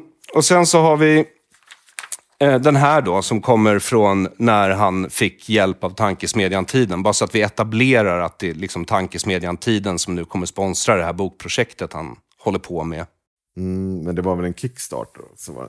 Jo, jo, men han fick draghjälp av Anna Ekström som är utbildningsminister. Hon manade på Annika Strandhäll att hjälpa till med insamlingen. Mm. Så det är ju regeringen då som hjälper till med insamlingen till den här boken. Mm, Absolut, så Från- funkar det. Nej, nej, men, Men- de, men de, okej, de, hjälper till, de hjälper till att samla pengar till det här. Ja. Ja. Jo, men jag tror inte att om, ett, om man gillar ett bokprojekt eller tänker så här, så här det här är intressant för eh, Ja men fan, det behöver inte bara handla om dig, det kan ju vara vad fan som helst. Det är inte sponsrat av regeringen. Nej, nej, nej, det har jag inte sagt. Jag, Nej, säger, jag säger att Draghjälp av regeringen. draghjälp, det får de ju. Ja. okej. ja. Ja, det får de ju? Regeringsrepresentanter visserligen, ja. Ja, Annika Strandhäll har ju blockat Mm. mig. Så jag måste se det där från andra konton. Liksom. Här har vi yt- ytterligare en sån här grej som är lite rolig. Här, den här killen är någon sorts moderat. Mhm. Eh, och under en eh, sån här reklam, för du vet ju att jag gör... Eller nej, det här var, jag retweetade Brussels Times som skrev om rättegången mot mig. Mm. Och då skriver den här killen, som inte är du och inte är Mikael Nilsson. ja, han skriver, det är uppenbart att Flam understöds av mäktiga mediaintressen. Tips, follow the money. Och sen tweeten efter så skriver han, dessutom delar jag historikern Ars Gravitatis uppfattning att det som framförs i boken inte är sant. Den är blockad av Flam. Bam, bam, bam. Vänta, vi kommer. Okej. Och den här är från häromdagen. Okej. Så här skriver Mikael Nilsson häromdagen. Ja. Den är från, eh, ja det är 420, så det är både Hitlers födelsedag och Marianans födelsedag. Så. Ja, Mikael Nilsson skriver, det här är, eh, han har bifogat en skärmdump som jag kommer läsa sen. Eller, ja, ja. Det här var lite intressant. Flam har hävdat att hans farfar satt i lägret Belsibor, något KL, alltså koncentrationsläger. Med det namnet fanns mig veteligen inte. Tycks vara en sammansmältning av namnen på dödslägren Belsek och Sobibor. Satt han i något av dessa hade han en extrem tur som överlevde. Och sen är det en skärmdump då, eh, på en tweet jag har skrivit eh, 2019. Så det, den är tre år gammal nu. Ja. Eh, och då skriver jag så här. Eh, det gör jag. Jag vet inte vad jag svarar på. Jag hittade den inte faktiskt. Jag twittrar... T- twitter, förlåt. Det gör jag. Jag twittrar från min porslinstron på vattenkloasetten. Min mormor och farmor satt i Auschwitz och Treblinka, morfar, morfar i Dachau och farfar i Belsibor. Och sen med små bokstäver. Jag har ju försökt skriva något annat. Och så har det blivit sådär. Min farfar satt i Auschwitz, förlorade sina, han förlorade sina första två döttrar i Lodz och förlorade sin fru och sina andra två döttrar i Auschwitz. Eller Birkenau. Det var kanske var det jag försökte skriva, vem vet. Men som du ser, så med den här tweeten, vad Mikael Nilsson gör, alltså ser du att det här på något sätt skulle vara problematiskt? Jag kanske borde fråga dig först. Jag, jag vet inte vad jag ska svara. Så här, han har ju, en, att en historiker blir fundersam när, du, när det står ett... Hur ska Men han en, histori- en historiker som har jagat mig veta- för fel på ja, men vänta, stopp år. nu. Hur ska han veta att det där var, ja, vad du säger, en autokorrekt? Ja, men det, det kan han väl... Eh, alltså, det här, alltså, han har ju suttit och letat reda på en tweet från 2019. Jag har ingen aning Tre varför. år senare- Men du, tre år vad sen- säger frå- som att vi ringer och frågar honom istället? Vi kanske gör det. Vi ska Ja. gå igenom lite grejer först. Ja. eller hur? Okej, ja, Ja. absolut. Men får, får jag fråga? Vänta, vä- vänta, vi ska gå igenom de här grejerna Ja. först. För vi ska gå igenom den här researchen för soldaterna i Ukraina, Henrik. Eller hur? Ja. ja. Så från mitt perspektiv när jag läser det här, Mm. eh, då är det någon som misstänkliggör mig och påstår att jag skulle ljuga om att min farfar var förintelseöverlevande. Mm. Och det var inte jag ensam om att uppfatta det här som. Det var vad de allra flesta uppfattade det här som. Ja, jag, vet- ja, jag, ja För du säger att Mikael Nilsson är en seriös forskare. Och jag stötte faktiskt på Mikael Nilsson innan han gav sig på mig. Bara några veckor innan han gav sig på mig. För då skrev han en artikel i Haaretz. Där han kritiserade eh, So-Called Squared, ett gäng eh, akademiker i USA som försöker avslöja eh, insularitet inom vissa akademiska in- discipliner. Alltså att de inte Insulär, förklara ordet. att de ehm, inte tar till sig annan kunskap än sin egen. Så det blir liksom en filterbubbla där de bara sitter och kommenterar varandra och då blir det ingen vetenskap utan det blir bara galnare och galnare. Ja. Så han ger sig på de här människorna som har skrivit en bok och som uppfattas som hyfsat seriösa. Och sen avslutar han den här långa, långa drapan där han gör exakt samma sak som han gör mot mig för övrigt. Tar en liten del av deras experiment och närläser det utan att se det stora sambandet och kommer fram till helt fel slutsats. Om det beror på dumhet eller illvillighet kan man ju diskutera, men eftersom han avslutar artikeln med citat No, the campaigns against gender studies, the study of racism and intersectional feminism, and the gleeful efforts to hu- humiliate other academics has nothing to do with a wish to preserve the integrity of science. It is an ideological and political crusade against an entire field of science, simply because of its connection to feminism, social justice, and the fight for equality. Don't be fooled by it. Och det är så här att om man då slutar sin artikel med ett upprop till feminism, social rättvisa, inte rättvisa som jag skulle säga, men social rättvisa, för det där har ju en viss politisk inriktning. Och the fight for equality, ja, då kan man ju säga att Micke Nilsson har liksom en viss politisk övertygelse. Säkert. Ja, För jag ignorerade Micke Nilsson de första månaderna i hans kampanj. Det minns du kanske. När han hade twittrat det här först, den här första tweeten om att han inte hade läst boken. Då satte jag honom på mute eller blockade honom och sen så kunde jag bevaka det resten. Så då valde jag tystnad som strategi. Jag gav mig inte på det här som ämne i podcasten. Eh, alltså ägnade mig åt ad hominem av herr Nilsson förrän eh, tidningen Arbetet, jag tror det var samma dag eller dagen efter jag blev friad i hovrätten som smutskastningen satte igång i mainstream media eller vad man nu ska kalla arbetet för. Eh, men det är ju LOs tidning, Arbetet, och det är Johannes Klenell som har skrivit den här. I tre månader påstås då, enligt rubriken, Micke Nilsson har faktagranskat Aron Flams bok. Nu är det inte sant, utan han ägnade sig primärt först åt tredje delen, som då han påstår sig vara expert på, Hitler.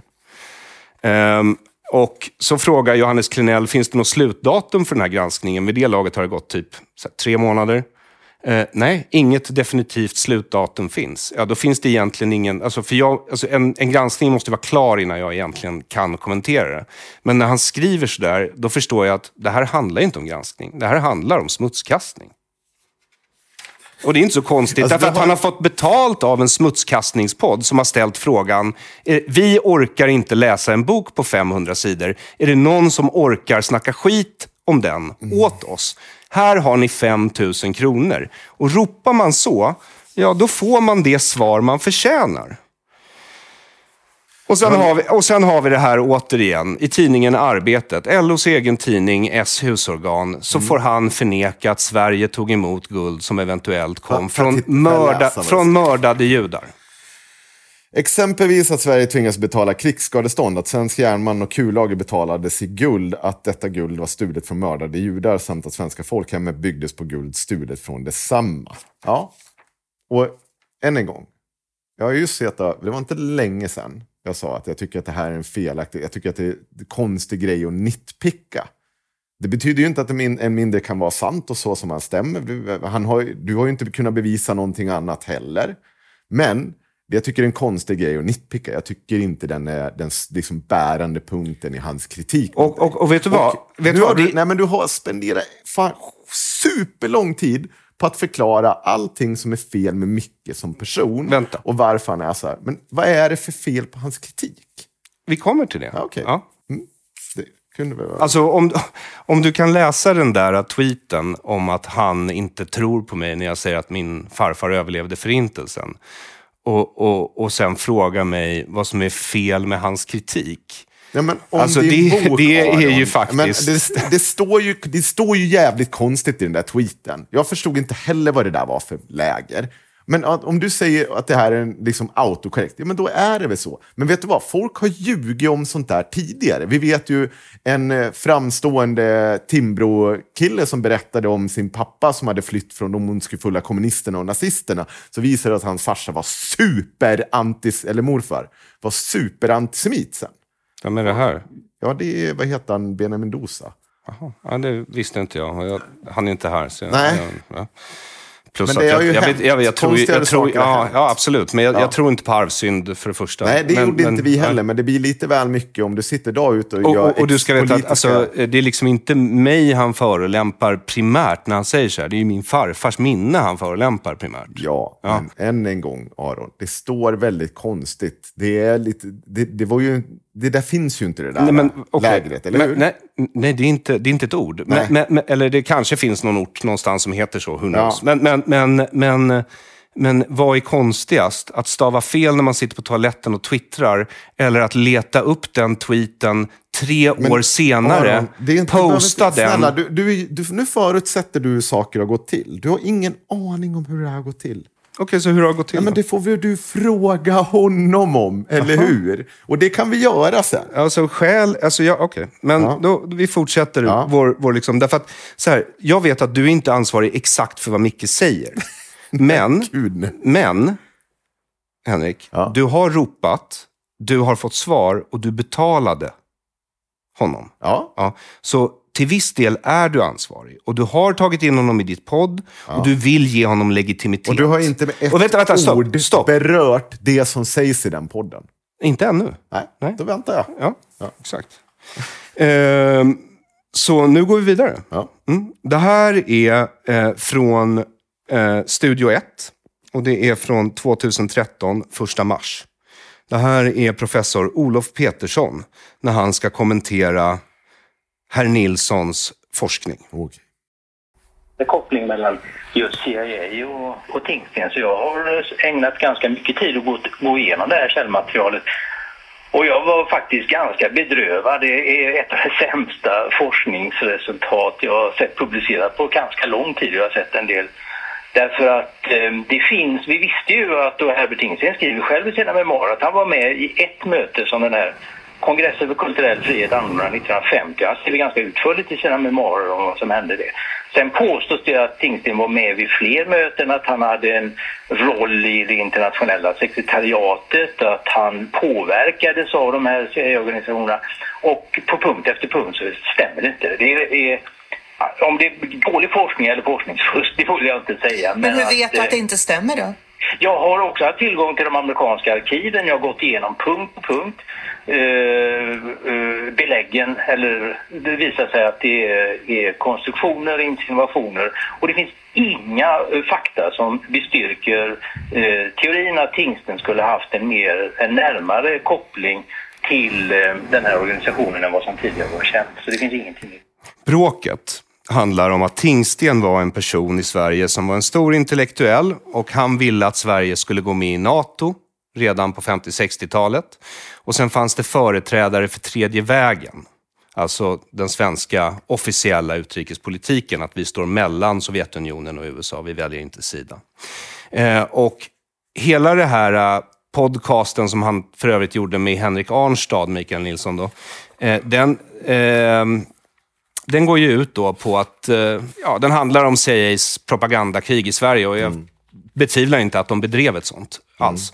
Eh, men eh, det är tydligt om man läser Olof Peterssons bok Herbert Tingsten, Vetenskapsmannen, där Olof Petersson ägnar alltså sex sidor i en fotnot. Det är en fotnot på sex sidor åt att beskriva alla fel som Mikael Nilsson gör. Och vissa verkar vara medvetna och illvilliga. Och därför så avslutar Olof Petersson den här fotnoten med att skriva så här. Det vetenskapliga värdet av Mikael Nilssons uppsats förringas inte bara av felaktiga faktauppgifter utan också av bristande objektivitet. Nilsson delar uppenbarligen inte Tingstens ståndpunkter i kalla krigets inrikespolitiska debatter. Tingstens motståndare bland företrädarna för den tredje ståndpunkten beskrivs av Nilsson som citat, “a group of leftist intellectuals that took neither side in the Cold War struggle”. Slutcitat. Och som förgäves försökt att göra kalla krigets debatt citat, “less Manichean by arguing that there were shades of grey in between the black and white”. Slutcitat. Mikael Nilsson uttrycker sympati för den tredje ståndpunkten och avslöjar sig som politisk motståndare till Herbert Tingsten. Mikael Nilsson har försökt att ta författarheder och forskarära av Herbert Tingsten. Men en kontroll av källmaterialet ger istället resultatet att det är Mikael Nilsson själv som framstår som förfalskaren och propagandisten. Mm. Så skriver Olof Petersson då. Om, Om, om någonting som absolut inte har någonting med det här att göra. Fast jag tror att det har med det här att göra, Nej, rent du- psykologiskt. Det du gör, Nej, men du stopp. försöker Nej. det och ta heder och ära av allt Mikael har gjort. Allt, så det här, Allt han har gjort. Det, här- är ja, men intressant att du säger det. För... Ja. Du spela, vill du spela upp något? Nej, nej, jag frågar. För det här var 2013. Mm. Så gjorde han någonting fel. Har inte han också sagt att han har gjort fel i det här? Eh, Alltså senare i programmet så ber han förbehållslöst om ursäkt som en liten uh, sorgsen hundvalp. Alltså han erkänner att han har gjort fel? Ja. Ja. Så det ska man inte ha kunnat gjort? Jo, det är klart han ska kunna erkänna att han Så har på gjort fel. vilket sätt påverkar det de, den kritik som han framför Jag ska berätta. Ja, Okej. ja, om du vill. Så är det så här. Jättegärna, det så vore bra Dels, tror- det, så här, det här är från 2013. Då gör han det här mot Herbert Tingsten. Mm. Och han erkänner att han gör det här mot Herbert Tingsten. 2021, några veckor innan han går på mig, då angriper han James Lindsay, Peter Boghossian och Helen Pluckrose i Sokal Squared, eller The Grievance Studies Affair, på ungefär samma sätt. Med illvillig tolkning, ad hominem, nitpicking. Det är vad du nej. säger. Nej, nej, nej, du det är inte bara vad jag säger. Det finns andra som säger det. It's that time of the year. Your vacation is coming up. You can already hear the beach waves, feel the warm breeze, relax, and think about work. You really, really want it all to work out while you're away. Monday.com gives you and the team that peace of mind. When all work is on one platform and everyone's in sync, things just flow wherever you are. Tap the banner to go to Monday.com. Quality sleep is essential. That's why the Sleep Number Smart Bed is designed for your ever evolving sleep needs. Need a bed that's firmer or softer on either side? Helps you sleep at a comfortable temperature? Sleep Number Smart Beds let you individualize your comfort so you sleep better together. JD Power ranks Sleep Number number 1 in customer satisfaction with mattresses purchased in-store. And now save 40% on the Sleep Number limited edition Smart Bed for a limited time. For JD Power 2023 award information, visit jdpower.com/awards. Only at Sleep Number stores or sleepnumber.com. Vilka är de andra? Nämn Ja. James Lindsay till exempel Alltså säger de, det. den som får kritiken. Ja, men han går igenom den väldigt noggrant. Ja. Eh, därför att det är, ett väldigt, det är ett väldigt fult sätt att göra det på. Och det är väldigt tydligt att det är det han gör. Och sen så säger du så här, det, det här kan ju inte få smutsa... Alltså det han har gjort mot mig, det han har gjort mot James Lindsay och det han har gjort mot Herbert Tingsten, det kan ju inte få smutsa ner hela hans karriär. Men då vill jag fråga dig, eftersom du... du, du, på, inte- du men vänta, stopp. Du påstår ju att Micke Nilsson är en sån expert. Och då undrar jag så här, ja men hur många publikationer har han? Hur många citeringar har han? Vetenskapligt, vet du det? Nej, det vet jag inte. Så du har inte ens gått in på ResearchGate och tagit reda på Nej, om han är en seriös forskare. Så du vet inte ens vad han har gjort sedan han blev utskämd i offentligheten 2013. Nej, Nej. det vet jag inte. Du tycker inte det är konstigt att någon som blev utskämd 2013 inte gjort så mycket sedan dess om man går in och tittar på ResearchGate, för han har få publikationer och få citeringar. Mm. Ja, väldigt få. Ja. Om man jämför... Om, om man ser, om, vänta, stopp. Säg, nämn mig inte med 2013. ett jävla ord, ett jävla fel han säger om din bok. Nej, men, nej, Kommer det någonsin? Eller ska vi sitta här och prata ja, om... det, vi kommer till det. Ja, Absolut. men, men, varför kommer vi inte det är avslut. Varför Det är ju den så- stora finalen, Henko. Ge dig till tåls. Ah, Okej, ja. Mm. Eller hur? Det är ju det, det, är det vi, vänt- vi bygger upp. Det är för soldaterna i Ukraina. Ja, Håll okej. ut. Mm. Ja. Ehm, nu fick du mig lite att tappa bort mig, men, men du har ju liksom inte kollat upp vad han har för akademiska meriter. Jo, du, jag har kollat upp, om, så här, jag har inte gått in på research och kollat hur många som har kritiserat eller citerat honom. Men och absolut. hur många saker han har publicerat. Nej, men jag har vad heter det, kollat upp honom innan vi tog in honom. Bland annat om just boken som han har skrivit runda bords... Eh, eller vad heter det? Åh nej, vad heter den? Ehm, Hitlers runda bordssamtal. ja, precis. Och det som, alltså hur den har mottagits och så vidare. Den verkar ju ha... Blandade, blandade bra, reaktioner. ja, men ganska bra reaktioner skulle jag säga. Nej, den har en bra reaktion. Två kanske. Ja, Och sen så har den en hel del Men är kritik. det, är, det, är det världens bredaste samtalsämne? Jag hade inte förväntat mig att halva världen hade läst en sån jävla nernördad bok. Och jag har inte gått Och jag igenom, sett jag, och jag har inte, och jag har inte gått igenom den. Jag vet inte om den är bra eller dålig. Och, och Jag har inte läst den. Jag kan inte avgöra om den jag är bra eller dålig. förutsätter någonstans att om du är i den offentlighet som du är, och, eh, till skillnad från många andra så är han ju åtminstone ute och ber om ursäkt och står för att han har gjort fel. Ja, Fast, fast sen gör han ju samma, några år senare så gör han ju samma fel igen. Vadå några år senare? Vad gör han för fel då? Ja, men han ger sig på James Lindsay på Ja, exakt det- samma sätt som han ger sig på Herbert Tingsten. Med, med, med, med politiska förtecken och illvilja. Och samma okej. sak gör han Men mot jag- mig. jag det är ju tror- ett mönster. Jag, tänker och sen är det så här, han har ju inte gjort så mycket sedan 2013. Jag tänker så Förrän du betalar honom 5 000 spänn. Jag tänker så här, att vi ringer honom sen. Och så kan han få svara på det här själv. Ja, du får göra vad du vill med din Ja, tid. Absolut. Det har vi kommit överens om nu tydligen. Men, eh, ja, men i alla fall, så kan du... Men okej, men, men du kan... Du har inte kollat upp, men då kan jag Jag berätta för dig. research. Då kan jag berätta för dig att han har få publiceringar Mm. och få citeringar. Mm. Så han har inte gjort så mycket och han kanske inte gjorde så mycket och han blev kallad lögnare och charlatan och det kanske inte var så kul för honom. Och sen får han chansen att kanske göra så mot andra. Och då tar han den chansen när han får 5 000 spänn. För han har inte så mycket att göra. Han har väl jobb och hela fan. Jag vet inte. Ja. Jag spekulerar. Ja, jag, vet inte. jag frågar dig. fortsätt. Du känner honom kanske bättre. Ja, inte så bra, men... men Men, men, men visste du om det här med Herbert Tingsten? ja. Det visste du om när du anlitade honom? Nej, inte när jag anlitade honom, men jag, visste, eller jag läste det när du skrev om det. Ja, okej. Och jag tyckte inte att det var en stor grej. Jag menar, det, det sa ju fortfarande ingenting hur, huruvida de sakerna han sa om din bok var rätt eller fel. Nej, nej. Eh, det har vi inte. Så... nu kommer vi till det. Nu kommer vi till det. Ja, vad bra.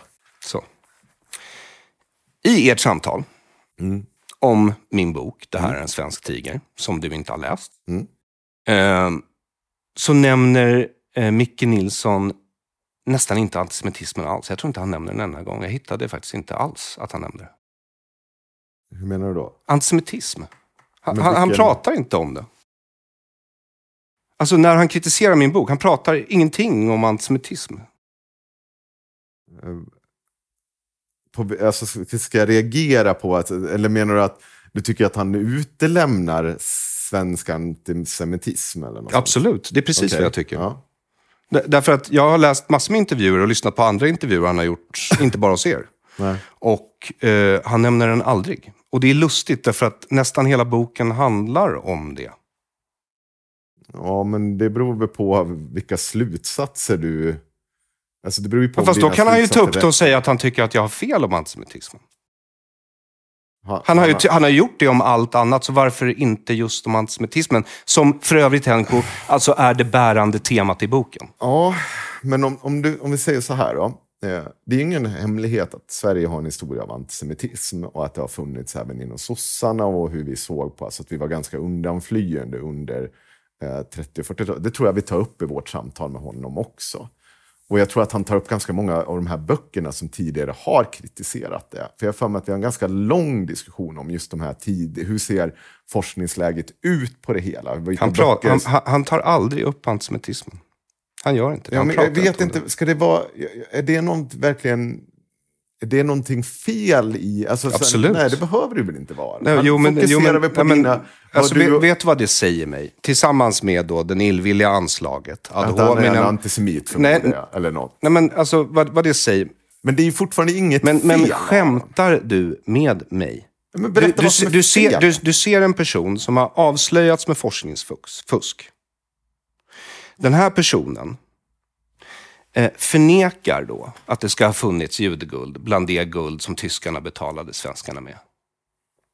Han misstänkliggör mig som att jag skulle ljuga. Och det är en vanlig antisemitisk trop om judar, att judar ljuger, Jaha. och speciellt om förintelsen. Jag vet inte om du är medveten om det, men Mikael Nilsson, om han är en expert på Hitler, borde verkligen vara medveten om det. Men det är lustigt, för att vara en expert på Hitler så tar han nästan aldrig upp antisemitismen och antisemitismen som var så central för Hitler.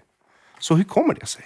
Du får fråga. Ja, men jag frågar dig, vad tror Jag du? vet inte. Du Men, men tycker du inte det verkar konstigt att han kastar... Ja, men så, Ja, men nu är du ju okej. där igen Aron. Aron. Du går och tar emot ett pris från en person som är i allra högsta grad aktiv i en antisemitisk miljö.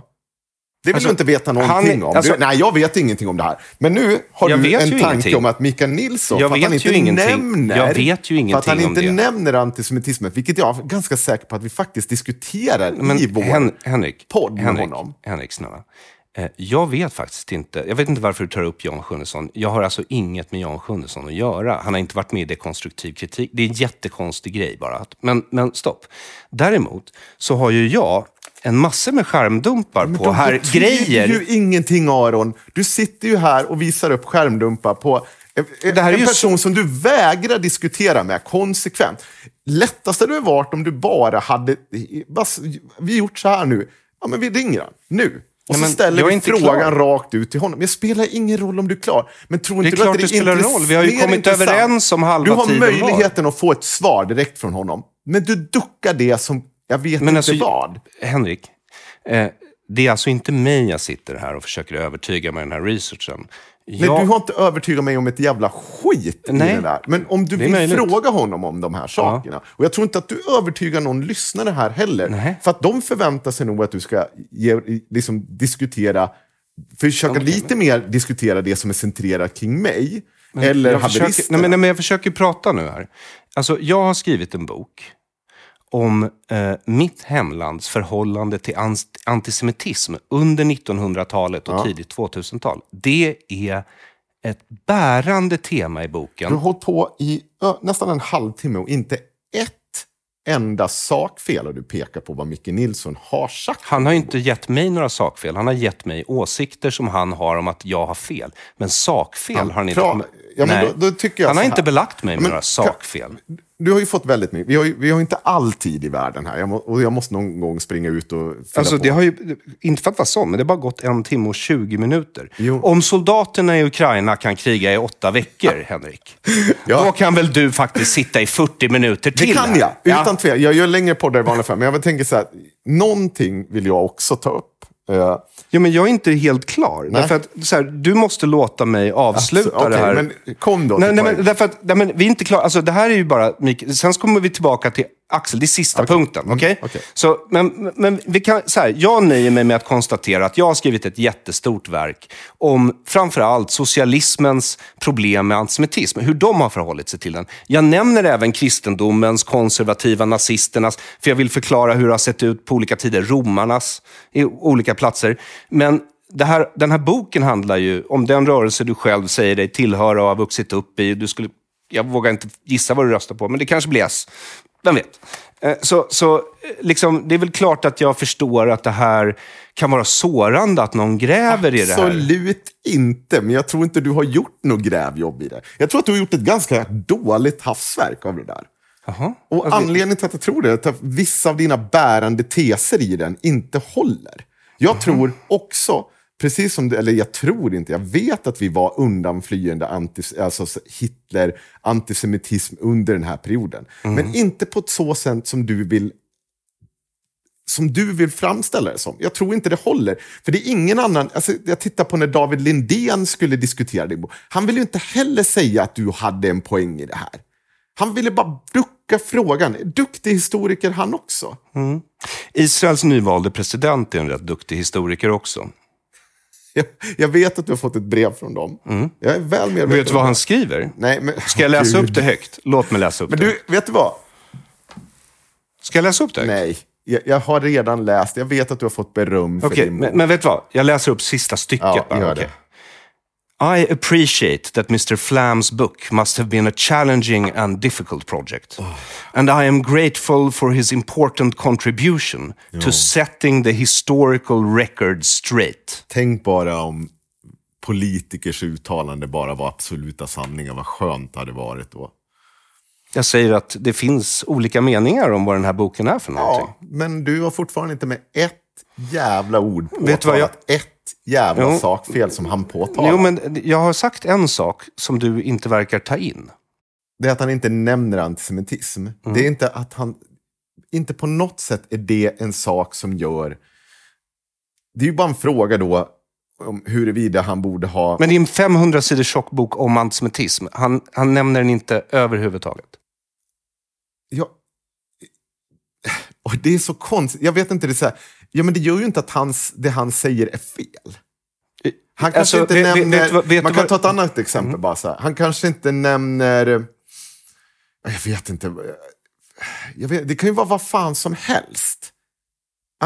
Du kan Ja, inte bara säga att ja, hans vad? granskning är fel för att han inte nämner antisemitism. Okej, men alltså, Att han inte så, säger- alltså jag- det, det är så konstigt därför att alla de här lite så här förnekar det här med judeguldet som du själv tycker är lite nitpicking och konstigt, eller Jag hur? säger inte att han förnekar. Jo, det Han- gör- jag har ju eller- skärmdumpar på jag- att han jag förnekar säger, det. det. Jag menar, Han han, förnekar det han säger att det inte Erkänn finns att något han bevis. förnekar Det finns inget bevis för att vi har tagit emot judeguld. Det är vad han säger. Och då säger jag att det här är ett konstigt sätt att se det, för det är ju en ekonomi, vilket han också erkänner när vi sitter och pratar där om det här. Ska vi läsa den här igen? Snälla du, jag har ju sett och pratat med människan. Jag vet vad han skriver, jag vet vad han har läst. Och vi tog upp det med honom. Jag kritiserar honom för att jag tycker att det är ett konstigt sätt att se på. Det är ju ändå så en stor ekonomi där vi har mottagit pengar ifrån. Så även om det kommer in i ena änden och inte kommer över till oss, så är det fortfarande ett problem. Ja, men inte enligt Mikael Jag Nilsson. tror inte att det är så enkelt, för så sa inte han till mig när vi sitter och pratar om. Han tyckte att det var en valid point. Han skriver så här, guldet kom inte från judar. Inga bevis finns Han för säger det. också Punkt! han säger också du kan sluta ljuga nu. Han säger också så här att du på, jag tror att om jag minns eh, det här rätt, så pratar han om att eh, han pratar om hur mycket malm som egentligen vi bidrog med. För man har pratat, jag tror att du hade sagt i termer av att det är vi som drev deras stri- stridsmakt eller något sånt där. Eh, Ja, men Och- inte på, inte på grund av malmen. Ja, Eh, men har skit, skit ja. i samma, man säger så här att ja, men det var bara så här många procent, eh, bla bla bla. Ja, det var okej. ingenting som egentligen gick till krigsindustrin, så det är ett felaktigt påstående. Okej. Det är intressant att han tycker det, men okej. Ja, men, du, det vore ju bra om du på något sätt angrep det han faktiskt säger också. Ja, men eh, var det inte, eh, var det, inte det här... Jag tycker inte du har sagt ett skit Aron. Nej, jag men- tror att våra, de, våra lyssnare respektive dina lyssnare också kommer höra det här. Det är inte någonting som sitter jag... Alltså, jag, jag vet inte, det, det blir extremt märklig diskussion. Jag tycker att du verkligen ska, när vi ringer upp honom sen, så ska du ställa den här frågan. Så varför nämner inte du antisemitism? Det kommer jag att göra. Ehm, då så. Ehm, därför att det finns en, en femte och sista punkt här. För Mikael, vi kan inte låta Mikael Nilsson vara allt. Liksom. Nej. Nej. Ehm, och det är när Axel förminskar och relativiserar förintelsen. Okej. Vilket han gör i avsnitt 138, eh, minut 29 och 17. Vill du att jag letar fram det? Det är jättegärna, för jag vet inte vad det handlar om. Det är inte alltid helt enkelt för mig heller att veta vad allting handlar om i den här podden, ska du veta. Eh, ib- Det är, ju, ibland ga- så det är tror ganska man nära i tid i alla fall. Det måste ju vara på den här sidan av år. Under Eh, 138. Eh, jo, men det, det var nog bra att du sa det, för jag är på sidan två här. Så vi ska till sidan 130, nej, avsnitt 138. Ja, det är en stackare. Jag, jag vet. Men, men Ja, hade, Jag gör så här hela tiden, så jag är jättevan Det, Ja, jag tycker, det, jag- är- och jag tycker jag- det är intressant att få faktiskt få det här slängt i ansiktet själv också. Att någon faktiskt har suttit och lyssnat lite på de här avsnitten. Och, så man Så får det har jag gjort, det ska du veta. Och jag har gått igenom Twitter och jag har gått igenom forum och jag, herregud. Och sen har jag ju valt bort en massa. Jag väljer ju att fokusera på köttet här. Ja. Jag tycker att ni gör massa andra fel också, men jag hinner inte just nu. Nej, Nej. Nej. då hade vi fått se det här. Eh. Berättande och så här, vi vill Nej. ha det goda samtalet i syfte att eh, förbättra demokratin och samtalsklimatet och hej och hå. Men det är ju det som är det uttalade målet med många. Så här, hur kan vi? Aron Flam, Aron Flam sitter ju liksom och granskar Sverige som nation i princip. Så här, nu ska ni minst få höra här om hur dåligt det var under 40-talet. Hörde du det där? Ja.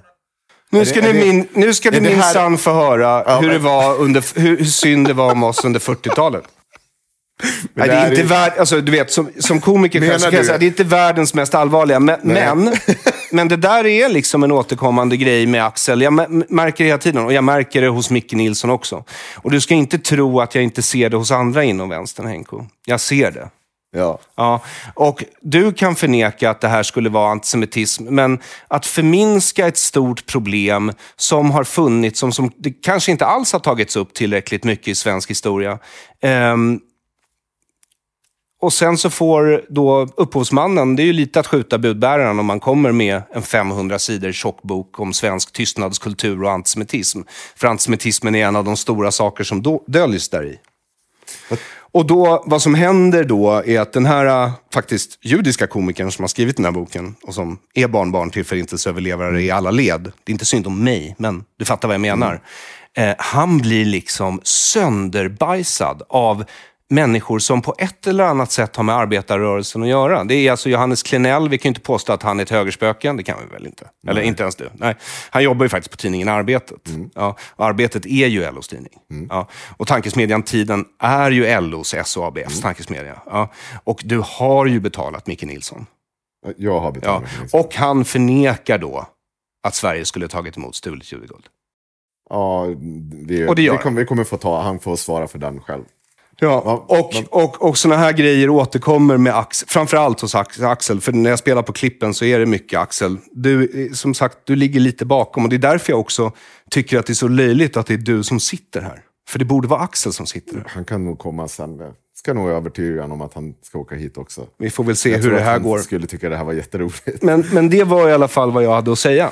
Oj, Aron. Det var mycket. Var Ja, det. det, det var mycket. Jag vet att det Jag var mycket. tänker vi så här, vi gör så här, då, då river vi av plåstret så att vi verkligen hakar i det här direkt. Och ringer Micke Nilsson så får han lite mer svara för sin egen del i den här jävla shitshowen. Eh. Nu, han har till och med frågat hur det går. För en stund sedan. Så, Vet han inte att man har, man har telefoner avstängda när man spelar in? får se. Visst, det ska räcka att hålla så här va? Ja, det hoppas jag.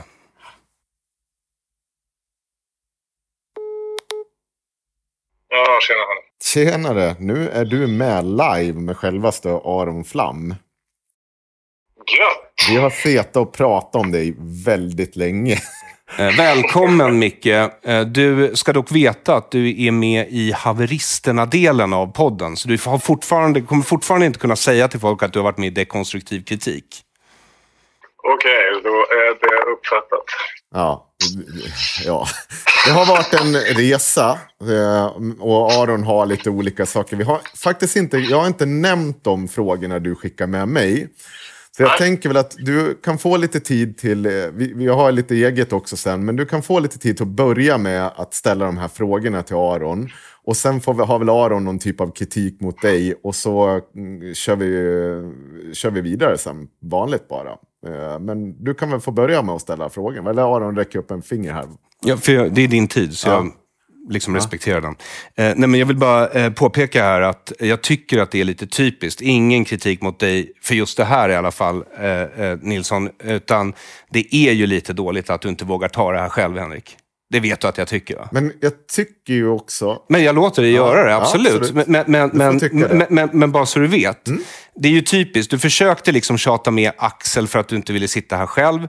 Och nu ringer du Micke För att jag Nilsson. inte ville sitta här själv. Jag, I kan sitta här. guess. jag tyckte att det var ro, bara hade varit roligare. Jag tror att det hade uppskattats av lyssnarna mer om det var Axel. Jag vet, allting handlar inte centrerat kring mig som person. Jag bryr mig Nej. inte. Och allt mycket. behöver ju inte Nej. vara att Axel är Och jag superfeg. tycker Liksom. Att ni två borde ha pratat för länge sedan när det kommer till Micke Nilsson. Därför tar jag den här tiden och ringer Alltså, upp honom. Inte för att vara sån, men med som jag sa till dig, med tanke på att Micke inledde med ad hominem mot mig. Mm. Han kallade mig lögnare och charlatan innan han ens hade läst boken. Så eh, avskrev jag honom som en person med inte- politiska bias och konfirmationsbias. Men vi, vet du vad Micke? Det var väl inte riktigt så det var va? Jo, Eller hur så var det. Jag har skärmdumparna här och stackars Henko Jo, har jo. tvingats läsa Jo. dem högt.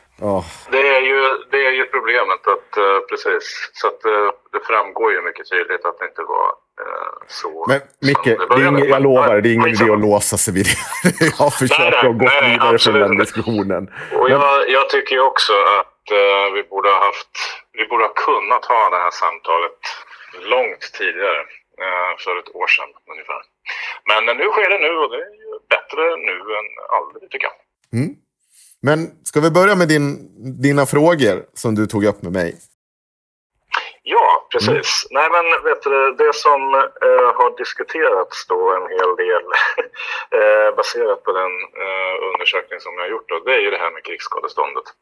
Så, eh, nu skulle jag ju vilja fråga dig då, Aron, eh, hur du tänker kring den frågan och hur du ser på den kritik som jag har framfört då av din förståelse eller tolkning av det här.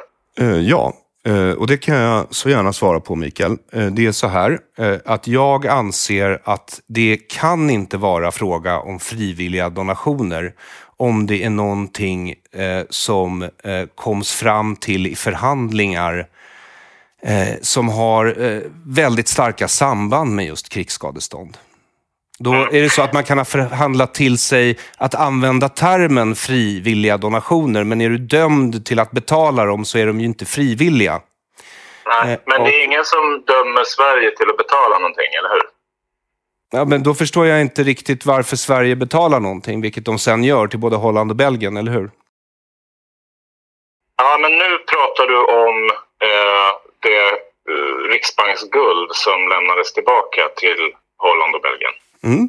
Ja, eh, eh, det vi pratar om, och det, det är ju inget krigsskadestånd det heller, för att eh, de, eh, det guldet får ju Sverige Ja, det är stulet, stulet guld. eh, allierade. Ja, ja, men, det, men det är ju en annan fråga. Det är ju inte ett krigsskadestånd.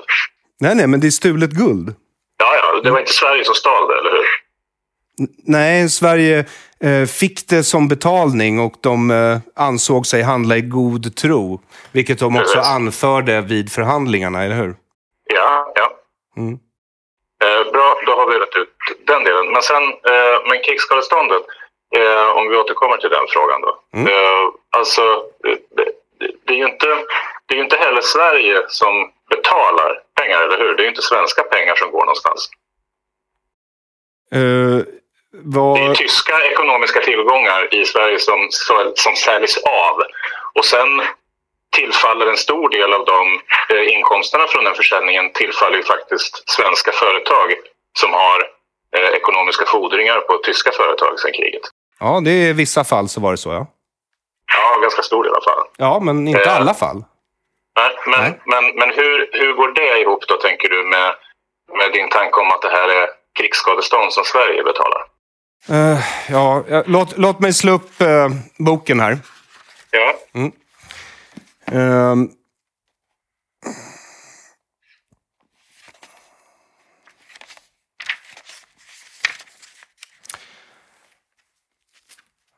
Av de uppskattningsvis 378 miljoner kronor, mer än 90 miljoner USD i tyska tillgångar i Sverige, gick Sverige med på att överlämna tre fjärdedelar till de allierade.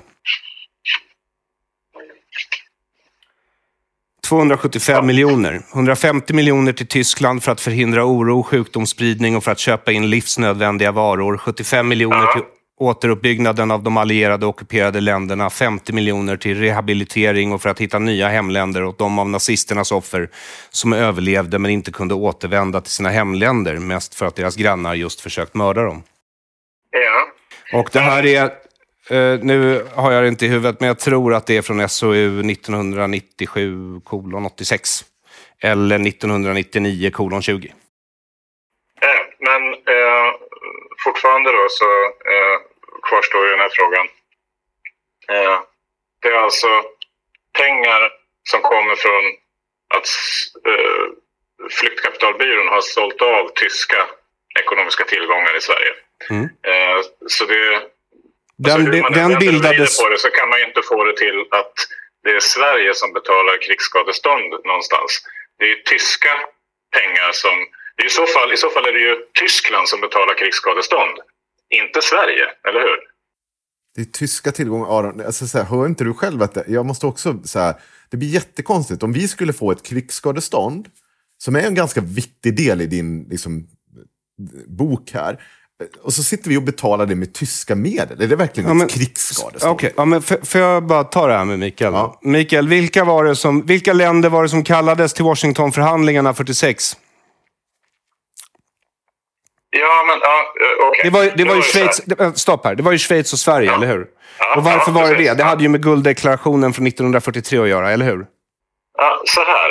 Eh, anledningen till att de allierade måste förhandla med eh, de neutrala länderna, alltså det var ju inte bara Sverige och Schweiz utan de neutrala länderna generellt.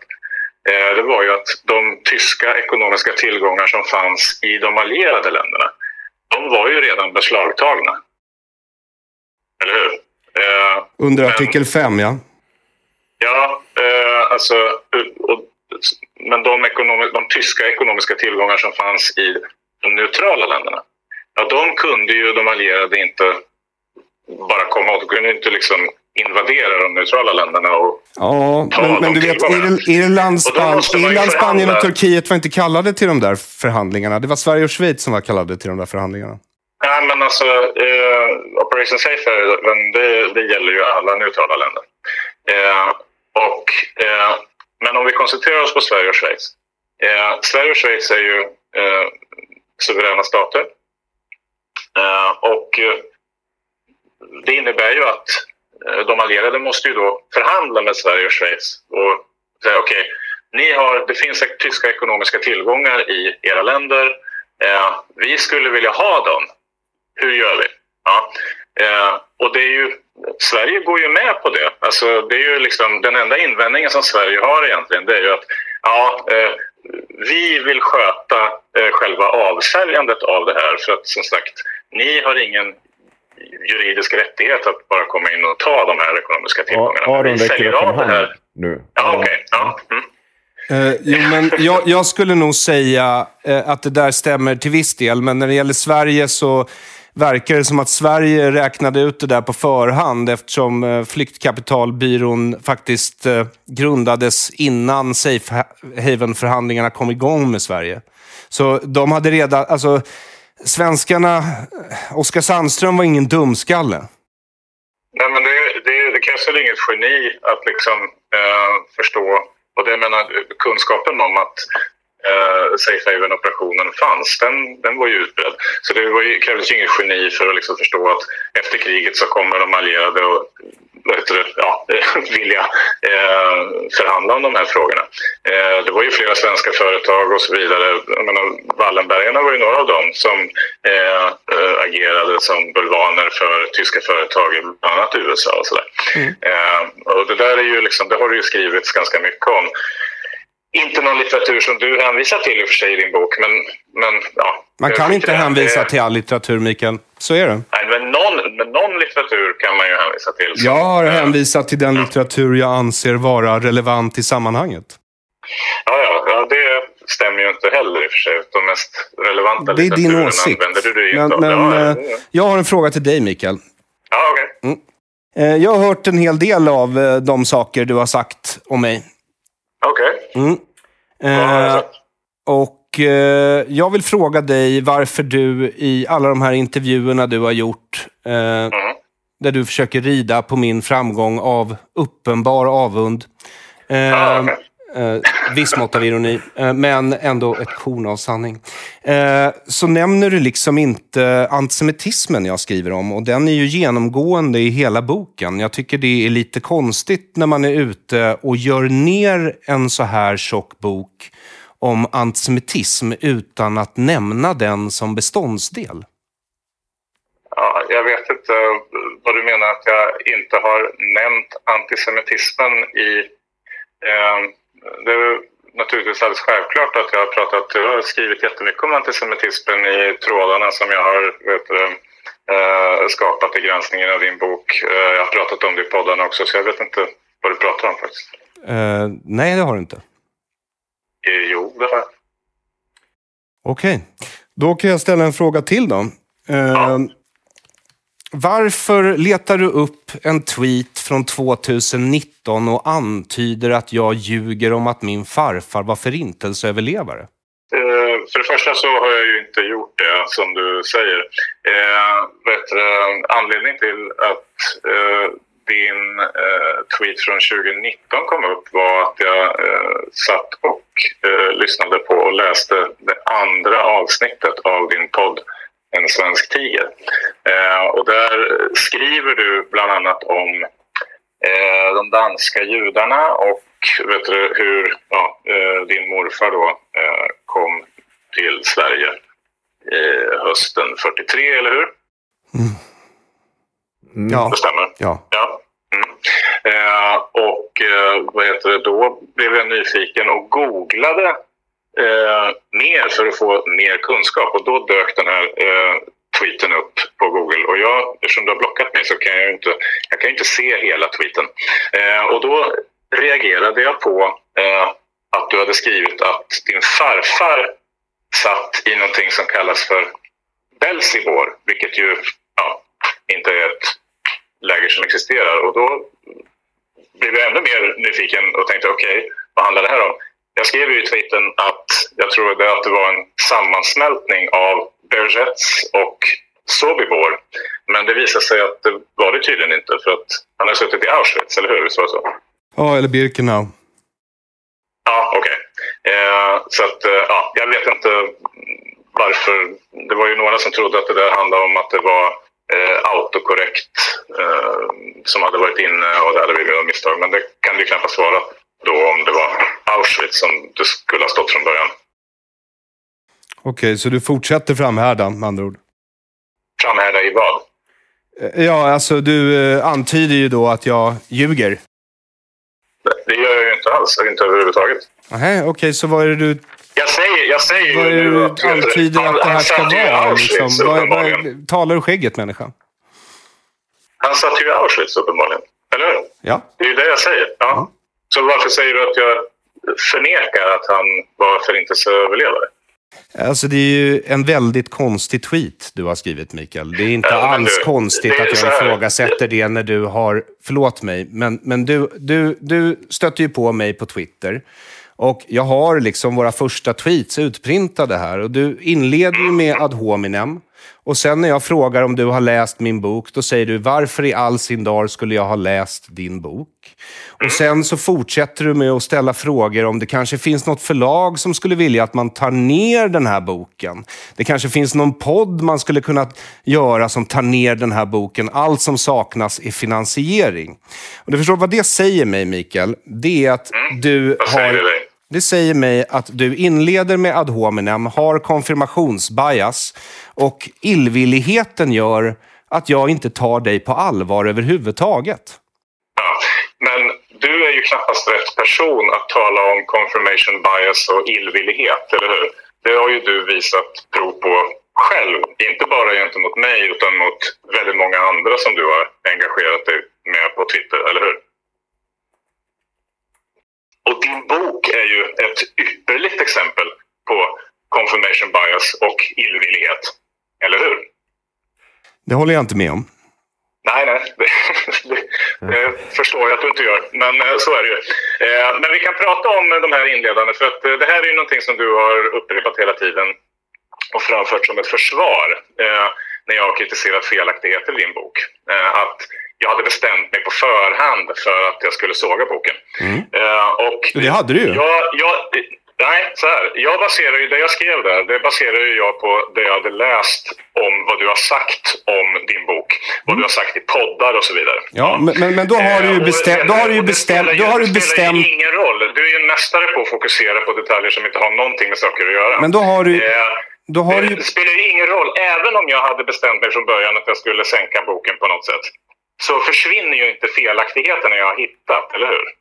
Du ehm, måste ju fortfarande bemöta de felaktigheterna. Alltså du skriver så här den 17 mars 1644 Nu duckar 2021. du frågan, Aron. Det, Tanken det slår... spelar ingen roll vad jag skrev då, Aron. Det är klart det spelar Du har roll. ju här. fortfarande bemöter ju inte... Men De, vänta, fel, men stopp de här. felaktigheter Men Mikael, som finns i Mikael, boken, Aron. Mikael, de har men- jag men- menar oavsett du- vilken inställning jag hade i, början, eller hur? Men Mi- Mikael, menar du att det är intressant Men, att jag... kan, kan du bara säga ja eller Nej, nej? nej, Existerar jag de här inte felaktigheterna nej, det- nej, även nej, nej, oavsett nej. Vilken inställning jag hade från början? Eh, så så här, jag har tweeten framför mig. Jag kan ju liksom läsa upp Ja, den men jag högt. tänk, han ska Ja, få okej, ställa du- en till fråga. Du hade ju en till Ja, fråga det kommer angående källhänvisningen. För det är ingen idé, han, det, det låser sig här. Eh, Ja, ja, ja. Eh, ja, men vet du, okej, då, då tar vi frågan om varför du har plagierat alla de här hundratals källhänvisningarna i boken. Eh, det har jag inte gjort. Det där är en regel Jo, inom det du akademi och det här är en populärvetenskaplig du det? bok. det? Det finns ju där. Din Det här, bok det, här är ju, det här är ju en Och populär... där så finns plagiaten. Det här, är, du det? det här är en populärvetenskaplig bok, Mikael. Då Det har spelar man... ingen roll. Jo, det är klart det spelar... Det spelar Du kan inte, du kan inte du låtsas nu. Du kan Hörru, inte stjäla stopp. hänvisningar Mik- till källor Mikael. som du inte har läst ändå. Oavsett om det är en populär bok eller inte. Mikael, Mm. vad du gör mot min bok, det är att du låtsas att det här är en akademisk avhandling inom ämnet historia. Vilket det inte är. Det är en, kulturvetenskap, det är en kulturvetenskaplig studie. Sen är det så att jag har... är det Liksom, vetenskap du sysslar med, tycker du? oh, Jesus Christ. Tycker du att du som historiker sysslar med naturvetenskap? Naturvetenskap? Vem har nämnt naturvetenskap? Jag gjorde det nu. Hörde du inte det? Ja, men varför nämner du det? Vi pratar ju om vetenskap. Varför nämner du naturvetenskap? Eh, därför att jag tycker att det är vetenskap och annat är studier. Och där kan man ha olika åsikter om hur man ska tolka fakta, Mikael. Och du men och sa jag... inte du just att det var en kulturvetenskaplig studie du gjort? Jo, därför att det heter så på svenska. Det heter inte... Ja, men och då säger jag, jaha, är det det, vetenskap heter du genusvet... det heter genusvetenskap också, Mikael. Det behöver inte betyda Ja, att det men är det vetenskap. kritiserar ju du just på grund av att du säger att det inte är vetenskap. Herregud. Okej, var det det här du hoppades uppnå när du eh, ville att... Eh, förstår du nu varför jag inte tar en dialog? Om, alltså så här, jag, Jag tror- jag, Aron. märkte Men du ju, jag på märker ju hur Mikael... Men stopp. Jag märker hur Mikael är på Twitter mot mig. Varför ska jag ta en dialog med honom? Jag har redan suttit... Stopp. Stopp. Jag har suttit i IRM med stora delar av det som nu är haveristerna. Jag märkte redan då att det leder inte särskilt... Det leder ingen vart. Utom i det här fallet. För i det här fallet så kommer vi kunna skicka pengar till soldaterna i Ukraina. Men jag tror också att... Jag vill, Och hop- det är ett gott syfte får jag väl lov att säga. Det ger jag dig cred i så fall, Aron. Jag ville hoppas... Detsamma. Alltså, du ställer ju också upp för det här. Så. Ja, Micke, jag, jag, är det någonting mer du tänker på att du vill fråga? Alltså, Nu när du har jag, chansen. Ja, jag, tyck, jag tyckte vi var på, liksom, vi, vi var på väg där i diskussionen eh, kring krigsskadeståndet, eh, även om det eh, derailade. Men eh, jag, jag förstår inte varför du duckar den här frågan om plagiaten. Det, det gör jag inte. Utan jag, jag, alltså, du godtar bara inte mitt svar, Mikael. Mitt svar är detta. Det här är inte en vetenskaplig avhandling i historia på universitetet.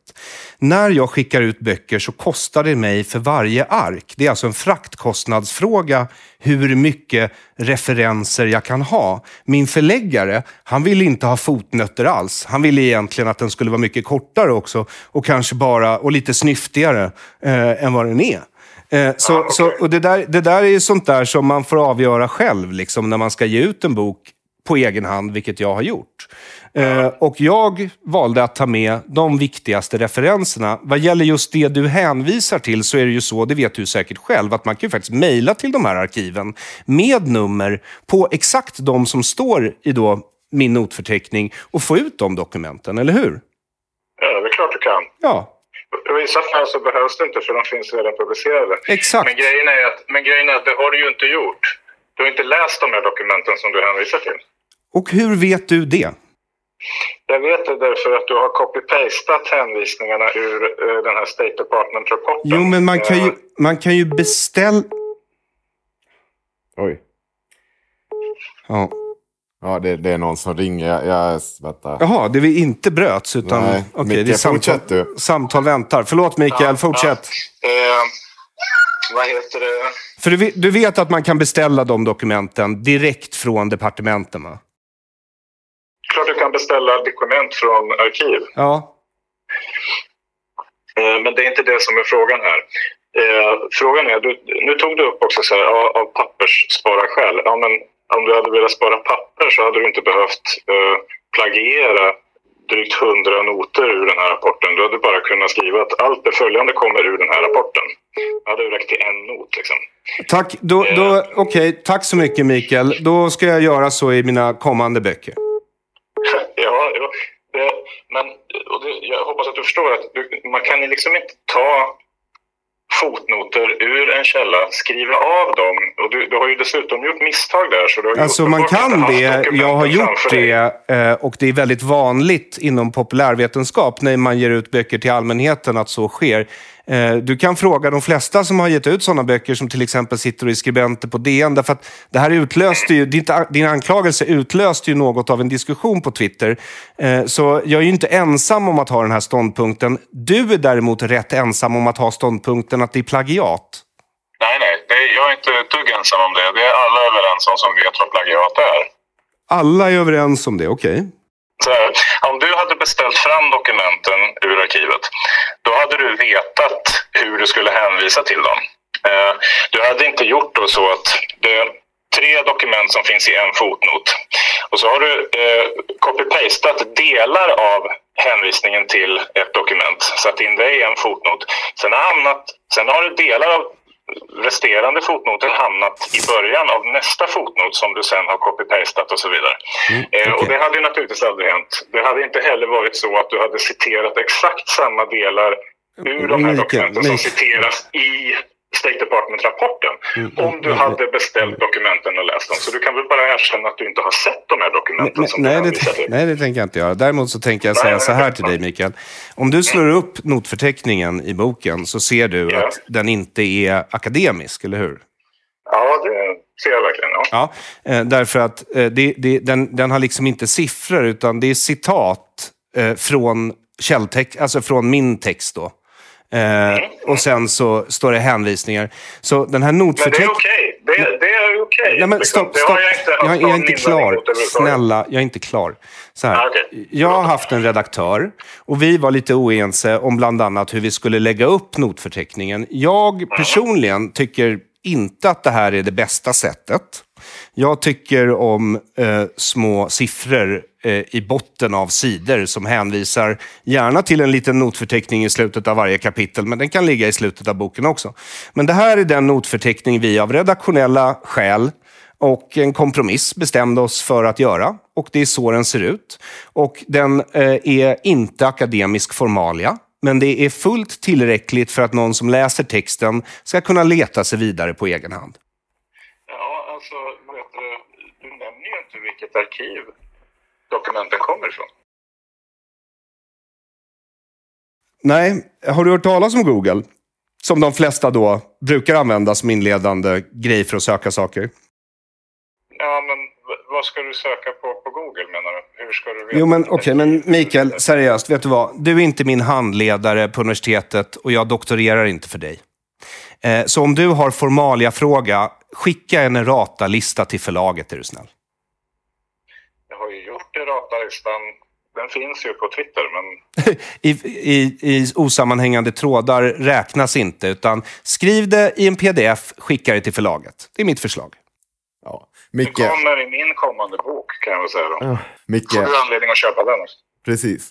Vi, jag tror att vi måste bryta där. Eh, vi kommer nog inte så mycket mer. Men tack som fan. Men jag, jag säger så här, jag säger Mm. så här i alla fall. Eh, jag får väl eh, heter det, tacka Aron för att det här samtalet var mycket trevligare än eh, det som du har skrivit om mig på Twitter. Ja, eh, du har skrivit en hel del om mig på Twitter också, men jag, jag tar inte så illa vid mig för det, eh, Micke. Eh, däremot så är det så att jag tycker att... Eh, jag hoppas att du, när du har publicerat den här boken som är finansierad av sossarna LO och ABF, att du får någon sorts closure och kanske kan släppa mig och gå vidare med ditt liv. Jag hoppas det. Men, eh, här, eh, men om boken är ju inte... inte finansierad av LO eller eh, vad du nu sa, eller sossarna eller vad det nu är. Okej.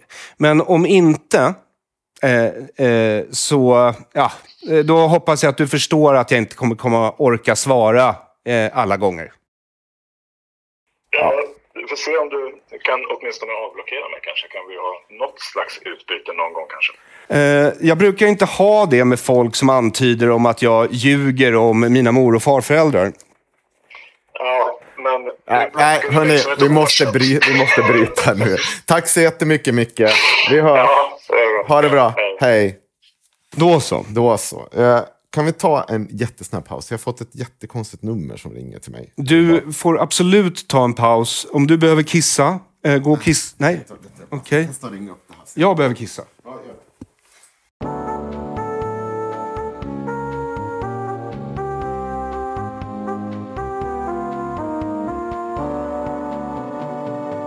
Five minutes later. Ska jag bara ta på mig den här? Ja. Eh, Jag pausade inte ens, så jag hoppas... Eh, jag vad? ger dig tillåtelse. Ja, tack. Det, det, Eh, de, alltså, lyssnarna kan ju ändå jämföra mellan våra publiceringar sen. så är det. Så är det. Eh, då ska vi se. Det sista jag tänkte säga, jag tänker inte vara så jävla... Vänta, jag ska bara knacka i bordet till min klippare. Marcus, eh, det där är telefonsamtalet eh, när jag går och kissar och Henrik pratar i telefon med Foodora. Det kan klippas bort, men i övrigt ska allt vara med. Så. Bedrövlig engelska också. Så. Men eh, så här, eh, Aron. Jag Yes. tänkte på en sak. Eh, Men nu har vi pratat med Mikael i alla fall. prata med Mikael. Herregud. vad- Eh, tänkte på det här med eh, Bianca Kronlöf och sånt. Du har varit ute och vevat ganska mycket om att eh, David inte fick behålla det jobb han hade. Ser du inget problem med, med liksom det ni sitter och gör och den profession han faktiskt har? Alltså att det blev... Alltså uppenbarligen är det många läkare som har tagit väldigt illa vid sig. Och jag kan säga så här, jag ser inga problem med att jag sitter där som komiker. Det har jag inga problem med. Eh, sen, eh, och jag tycker ju att givetvis får vilken yrkeskår som helst säga vad de vill i princip på fritiden, även läkare. Eh, om de har egna etiska regler, som det säkert finns goda skäl att ha, jo, möjligt. Men jag tycker ju att det är så här med David, att en del av Davids arbete som psykiater är just att eh, diagnostisera samtiden. Och han är ju expert på moralpaniker och, och, och vad ska vi kalla, ja men metoo, BLM. Och, och det är ju faktiskt sånt han satt och kommenterade där, därför att Bianca Kronlöf är en företrädare för en del av de här rörelserna. Liksom. Så, Vilka rörelser då? Vad är hon företrädare ja men genus, fjärde vågens feminism då, om du vill.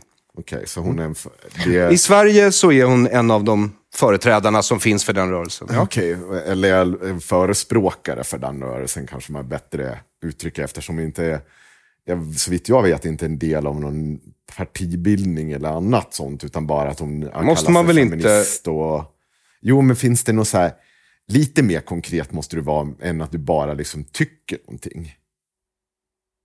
Eh, Företräd, ja, men, blir inte det väldigt lösa Menar du boliner just i det här fallet? Eller? Ja, Okej. blir det inte väldigt Eh, mycket lösa boliner Nej, men, nej, men alltså, kan jag, alltså, jag ju, du vet ju att jag gjorde kön redan 2015 antar jag. Ja, och vet du vad jag har sagt om det sen? Och jag sa det till dig Jag förra vet. gången, att det, du är riktigt jävla lam i den.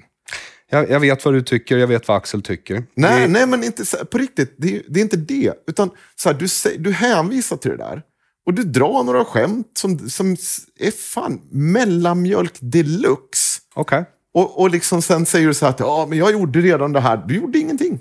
Aha, okay. Tycker jag. Ja, ja, alltså för du, men- det var men- inget kan- kontroversiellt. Okej, men vi kan väl komma överens om i alla fall att det ligger en special på YouTube Ja, som är 20 absolut. plus minuter lång och handlar om genus till viss del. Ja, Ja. en liten... Ja. Och en liten känga åt Aftonbladet i början. Ja. Jo då, jag minns den. Eh, nej, men eh, man kan tycka att den inte... Men, men eh, jag har eh, liksom bevakat den här rörelsen länge och det är för att jag stötte på den på universitetet eh, när jag pluggade filmvetenskap under Tina Rosenberg här. Eh, och tyckte redan när jag stötte på idéerna som låg till grund för den att de här är ju uppenbarligen totalitära. Eh, och eh, kommer leda till katastrof om de tillämpas. Och det är vad jag tycker mig se i samhället. Det gäller ju även så här kopplingen mellan vissa... Alltså Socialdemokraterna har ändå regerat Sverige och byggt välfärdsstaten. Alltså de är huvudansvariga. Det är ju de som är störst, bäst och vackrast. Kom igen liksom. Eh, så, och då är det så att även om man tycker att socialismen är en nästan helt igenom bra idé så kanske det finns några grejer som kan ta sig konstiga uttryck i verkligheten. Och det finns en koppling mellan ideologin och praktiken.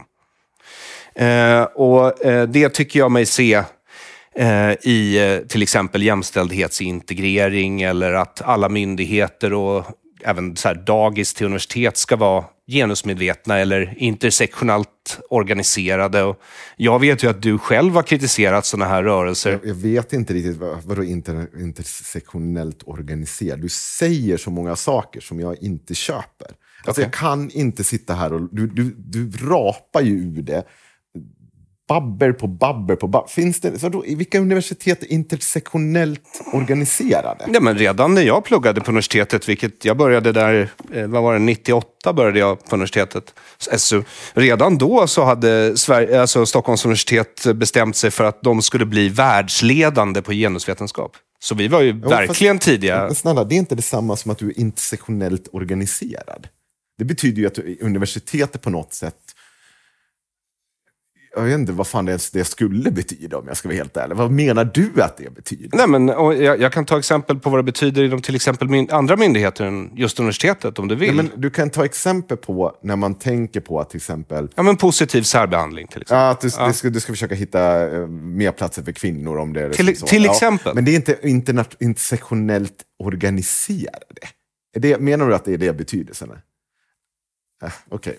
Ja. Jag, jag tycker att du hänger upp dig på ett ord när jag försöker Ja, men diskutera idéer. Men, Jo, men... Men, men om det hjälper dig, det så, så här, vi, vi, släpp det då. Släpp Ja, just det ordet och säg bara så här. Det finns styrdokument Mm. för myndigheter, organisationer, regionerna som påbjuder att de ska använda en intersektionell analys i sitt arbete.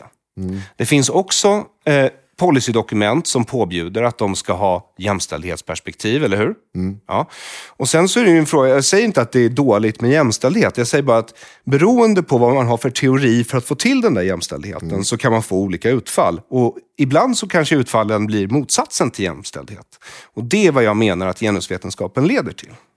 Det är därför jag kritiserar den. Ja, Och jag vet att Bianca är en av företrädarna inom den fjärde vågens feminism kulturellt i Sverige. Alltså utanför liksom, eh, vad vi nu ska kalla statsapparaten, där folk organiserar sig och får partibidrag. Liksom. Ja, ja, Alltså jag hävdar ju att, alltså det, och, och, jag menar, när man tittar på just haveristerna så är det uppenbart, eftersom ni också kritiserar vad man skulle kunna säga är företrädare inom vänstern, att ni kritiserar ju kulturen brett. Liksom. Jo, fast Och det gör också- ni ju för att kultur är viktigt, vi, eller hur? Vi är ju också så här, vi tänker ju också, det, många gånger som vi satt och skrek åt när du sitter och babblar om i det här med hur kan vi? Att du säger så här, ja, det, det, ju, det finns ju forskning på att kvinnor ljuger om övergrepp. Ja. Och det gör alltså, det vet vi, finns har det, ja. avslöjat saker som har, när personer har ljugit, uppenbart ljugit om övergrepp. Men min helhetsbild på det, det är att du först, för du, du är så väldigt, väldigt då kritisk mot att man förutsätter att en kvinna inte ljuger. Det är vad du säger upprepade gånger i Hur kan, hur kan vi? Du säger att ja, men vi kan inte bara förutsätta att kvinnor... Alltså, alltså så här, jag, jag, jag säger väl det i det sammanhanget, men vad jag menar, eh, det är inte specifikt kvinnor, utan jag tycker kanske man ska vara lite mer skeptisk mot folk överlag. Och, och jag vet att du tycker detsamma, för du tycker folk ska vara skeptiska mot bland annat mig. Ja, som bildar det är, inte, det är opinion. fortfarande så. inte samma. Så det, det är inte det du säger i programmet. Du säger om och om och upprepade gånger pratar om att just på grund av att det finns kvinnor som ljuger så ska man liksom inte tro typ på då Bianca Kronlöf. Men jag tycker inte man automatiskt ska tro på alla. Nej, det tycker Nej, inte men jag. man kan ju ha en grundförutsättning som är så här. Att hur många är det av kvinnorna som ljuger? Ja, det är en liten försvinnande del. Har du kollat? Jag har. Ja, det, ja. Berätta hur många det är då. 2-8 procent.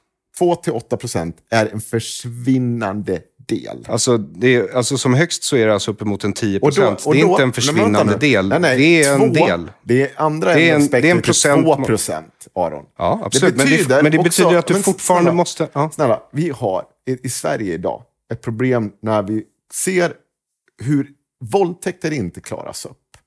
Hur liksom dag ut och dag in går det våldtäktsmän lösa på våra gator för att rättsväsendet klarar inte av att lösa eh, hur vi ska straffa de här, hur vi ska få tag i dem. Och vi vet att det är ett väldigt svårt problem, alltså att det oftast sker enskilt. Det är jättesvårt. Men i min värld så är det ju en bra inställning då att börja i andra änden, att här så här, vi tror på dig och så försöker vi utröna vad som hänt. Men du säger, jag får uppfattningen att du säger tvärtom, att vi ska inte tro på folks Nej, berättelser nej, om det här. nej, nej, nej, men det där vill inte jag. Alltså, för jag tycker, alltså, eh, frasen, sloganen om man så vill, tro alla kvinnor, den tycker jag, den träffar lite fel faktiskt. Därför På att jag, vilket sätt då? Därför att du kan inte tro, den är ju lögn. Du, du kan Men inte tro alla är ju- kvinnor därför att, därför att du, du vet att Det är vissa... fan Okej, en autistisk hållning till det här. men det är i alla fall min hållning till det. Så eh, min hållning är att eftersom vi vet att det finns kvinnor som ljuger så kan vi inte automatiskt förutsätta Nej, att alla kvinnor talar Men vi sanning. kan börja med att tro på dem. Och sen kan vi bena i Fast vad som kan- hänt. Du går ju, vi- vänder ju på det. Du men säger att du inte kunna- ska tro på Bianca. Nej, men alltså, just Bianca tror inte jag på, men det har inte att göra med att hon är alla kvinnor eller feminismen personifierad. Jag tror inte på Bianca på grund av Bianca, på grund av hur hon uppträder, vad hon faktiskt säger har hänt henne. Det hon beskriver är juridiskt, inte en våldtäkt. Ja, det, det där... Det är vad, vad hon säger en del om vad som har hänt. Hon säger en liten del av vad som hände vid det där tillfället. Och ni har bestämt er för att det är hela sanningen. Det är helt enkelt så det är. Det finns en annan aspekt av det där och det är ju att hon sitter i statstelevisionen, vilket innebär att de för fram hennes åsikt i just ett program som inte är särskilt ifrågasättande, min sanning. Eh, Det är konceptet. För. Ja, det är konceptet. Ja. Ja. Eh, vilket betyder att eh, de tycker att det är en bra idé att ta in henne där. Hon, du sitter ju inte där, jag sitter ju inte där, hon sitter Nej, där. Ja. men det sitter Så en jävla det massa måste andra finnas... personer som inte jag gillar som sitter där. Absolut. Och jag får ju inte Nej, men- frispel för det. Nej, alltså jag har inte fått... Vi gjorde en reaktionsvideo, vi hade jättekul. Eh, Så vi har inte fått frispel på något sätt. Vi satt och tittade och tyckte det var lite konstigt. Därför att allt hon beskriver, sättet hon beskriver det på och sen saker hon har sagt tidigare i livet. Liksom. Hon, slog ju igenom, hon slog ju igenom med den här YouTube-videon. Var det också 2013 kanske? Ungefär samtidigt som herr Nilsson blev avslöjad med forskningsfusk. Eller var det 2015? Jag vet inte. Då anklagade hon i alla fall, och det var ju, fanns inga bevis för heller, men jag tycker du inte konstigt att hon sitter i statstelevisionen och får hänga ut en kille som inte är dömd för brott? Problemet är så här, hon hänger ju för det första inte ut någon. Det är helt, Jo, för alla är som känner båda gör hon det ju är det. helt, det är helt, eh, vad heter det? Anonymiserat. Ja, precis. Ja. Men, men för, eftersom hon säger att de hade en relation ett tag, så då vet ju alla, hennes vänner vet vem det är. Ha- Hans, Säkert, hans hon familj... har berättat det för dem. Ja, Hans, hans familj fami- behöver inte veta. Hennes Hans- familj behöver, eller Hans familj behöver vet säkert, Behöver om de var ihop i flera år och han presenterade Behöver henne för familjen. Det vet ju inte hur många relationer hon har haft. Nej, jag har ingen aning. Men jag säger bara att sannolikheten är rätt hög för att den här killens anhöriga och vänner vet vem hon syftar på. och- och när hon kallar honom för våldtäktsman. vilket då alltså sänds i vår gemensamt finansierade statstelevision på bästa sändningstid. Mm, Du tycker det är jobbigt att eh, hon får berätta om ett, någonting hon upplever som ett övergrepp? Absolut inte. Men vad- jag tycker det är jobbigt Ska- att public service snor pengar av mig mot min vilja för Ja. att producera skit jag inte vill ha. Men, men, men att Bianca får sitta där, eh, det är väl eh, bara en av många, många lite sådana här, jaha. Men hon sa ju en del tokiga saker. Det blev ju en rätt bra reaktionsvideo. Många har ju hyllat den. Jo, jo, så kan det ju vara. Jag, jag kan mycket väl tänka mig att dina följare hyllar den. Jag tyckte mest så här att det var väldigt konstigt hur ni hanterade hennes del när hon pratade om övergreppen. Det tyckte jag, alltså allting annat går så bara... Men det, du ska ja, veta, det, var, vi hade det är så inte- lamt. Ja, men det, så här, Aron, det blir lamt för att du, du har... som sagt, jag har inget problem med att man skulle kunna, att, att du skulle kunna göra en reaktionsvideo på den delen också. Men Lamt? Problem, ja, men det blir lamt att... Det Alltså blir det är här, konstigt att du säger att det blir lamt när liksom reaktionen är att massa pressstödsmedia börjar dreva mot mig och Jag David. menade inte i den termen. Jag Och han blir av med jag jobbet. menar- Det är jag väl inte menar, lamt? om jag får prata till punkt, Ja. att det blir lamt och tunt när ni sitter och beter er som att men det här har inte hänt ett övergrepp. Det här är inget, baserat bara på några ord hon säger det där. Och sen går du vidare och dansar runt i alla andra alternativmedia och poddar och skit och berättar hur du inte tror att hon har blivit utsatt för ett övergrepp och berättar liksom att hon ljög och får det också låta som att hon ljög första gången 2013. Du är så jävla... Du har sett det här, dragit ut, vad är det, 43 papper om hur någon har anklagat dig för att ljuga och uppenbart tar jävligt illa vid det. men- men, att sitta och säga till en men- kvinna som du har sett på tv att hon ljuger om ett övergrepp, det går bra. Ja. Ja, Eh, Det går alldeles utmärkt. Ja. Eh, Men vad jag tänkte säga var att nej men jag är ju inte... Eh, jag har ju försökt etablera här, inte huruvida Mikael Nilsson ljuger eller inte. Det jag har etablerat är ju att eh, du har betalat honom. Du betalade honom för att du inte orkade göra researchen. Du orkade inte göra researchen för Och du tycker... inte vara duktig nog, skulle jag säga. För att jag faktiskt inte kan de här grejerna på ett bra sätt. Så det är därför jag betalade honom. För jag tyckte att det är... Stort av dig. Ja. Ja. Eh, Men, då, men då är det också så att betalar man bara 5 000 då kanske man inte får världens bästa historiker. Nej, men nog för att du inte riktigt kunde svara på hans frågor i alla fall. tycker jag. Jag tycker att jag svarade på hans frågor. Om ni inte håller med så är det en annan sak. Men, men det, är, det är skitsamma. Eller ja, vi får se. Alltså, han skriver ju en bok, så han Ja, har ju, han har ju mer. Ja, han har ju mer. Och jag skriver ju också en bok. Ja. Ja. Eh, dock inte om herr Nilsson. Nej, Utan om rättsprocessen mot mig. Ja. Åh nej. Jo, det är klart. Ja, det är klart. vet, du Ja, varför? nej, jag- jag- vet, du varför? nej. vet du varför, Henko? För att du har blivit utsatt för en sånt rättsövergrepp. Nej, för att vinnarna skriver historien. Ja. Och jag vann. Så nu skriver jag den. Ja, ja, vi, jag har inget problem med det. det. Det har jag och Axel alltid sagt att det där var väl inte... eh, Det vet jag. Ja. När det kommer, men så här, och vi, vi, ibland så ser vi väldigt olika på yttrandefrihet. Men just det här med att Bianca får sitta och hänga ut honom. Alltså så här, jag tycker att om man säger våldtäktsman om någon, det är en så allvarlig grej. Så det är i princip, Mm. Absolut. det är i princip en uppmaning till våld mot den personen. Det är vad det är. Mm. Om en tjejkompis sa, pekade ut en kille och sa så här, "Ah, den där killen Då våldtog har mig. du inte varit med i samtiden ganska mycket. Det är ganska många som blivit utpekade som våldtäktsmän och på ett ganska grovt sätt utan att det har hänt något sånt. Okej. Um, expa- uh, utveckla. Ja, jag ska börja med killen i Avesta som jag stod på en jättestor fest när han muckade för eh, från sin eh, vad heter det, fängelsevistelse. Eh, ska jag vara, prata om eh, någon som kanske jobbade på Aftonbladet under en period? Uh, vilken av dem? Ja, Fredrik Virtanen. Jaha, okej. eh, men det finns nog... För han var inte den enda som åkte ut där, vet du. Nej, jag vet att det var fler som... Eller det jag, ja, kanske. Ja, skitsamma, jag kommer inte ihåg. Eh, Göran Lambert. Det finns ja, en ja, hel det del. var, den, var, den var väldigt märklig den där grejen alltså, med Ja, det Lambert. finns, kan, alla ni som lyssnar kan lyssna på vår Patreon för vi har gjort ett jättebra jobb om det. Ja, nej, men det... Nej, men, eh, ja. nej alltså, det, alltså jag säger inte att kvinnovåld inte är ett problem. Jag säger inte heller att man ska misstro alla kvinnor. Jag säger att jag misstror Bianca Kronlöf. Det är en Mm. specifik person, Henko. Jo, jag vet att det är en specifik person, men det är också ett inställning, alltså ett, jag finner en inställning hos dig så fort du tycker att det luktar socialism eller något sånt här liknande. Då får ju du panik och kan liksom inte med... Jag tycker bara att det är märkligt hur du väljer att attackera det här på de lösa grunderna. Och sen liksom... Att inte förstå reaktionerna på det. Nej, men jag förstår reaktionerna. Ja. Jag gör det.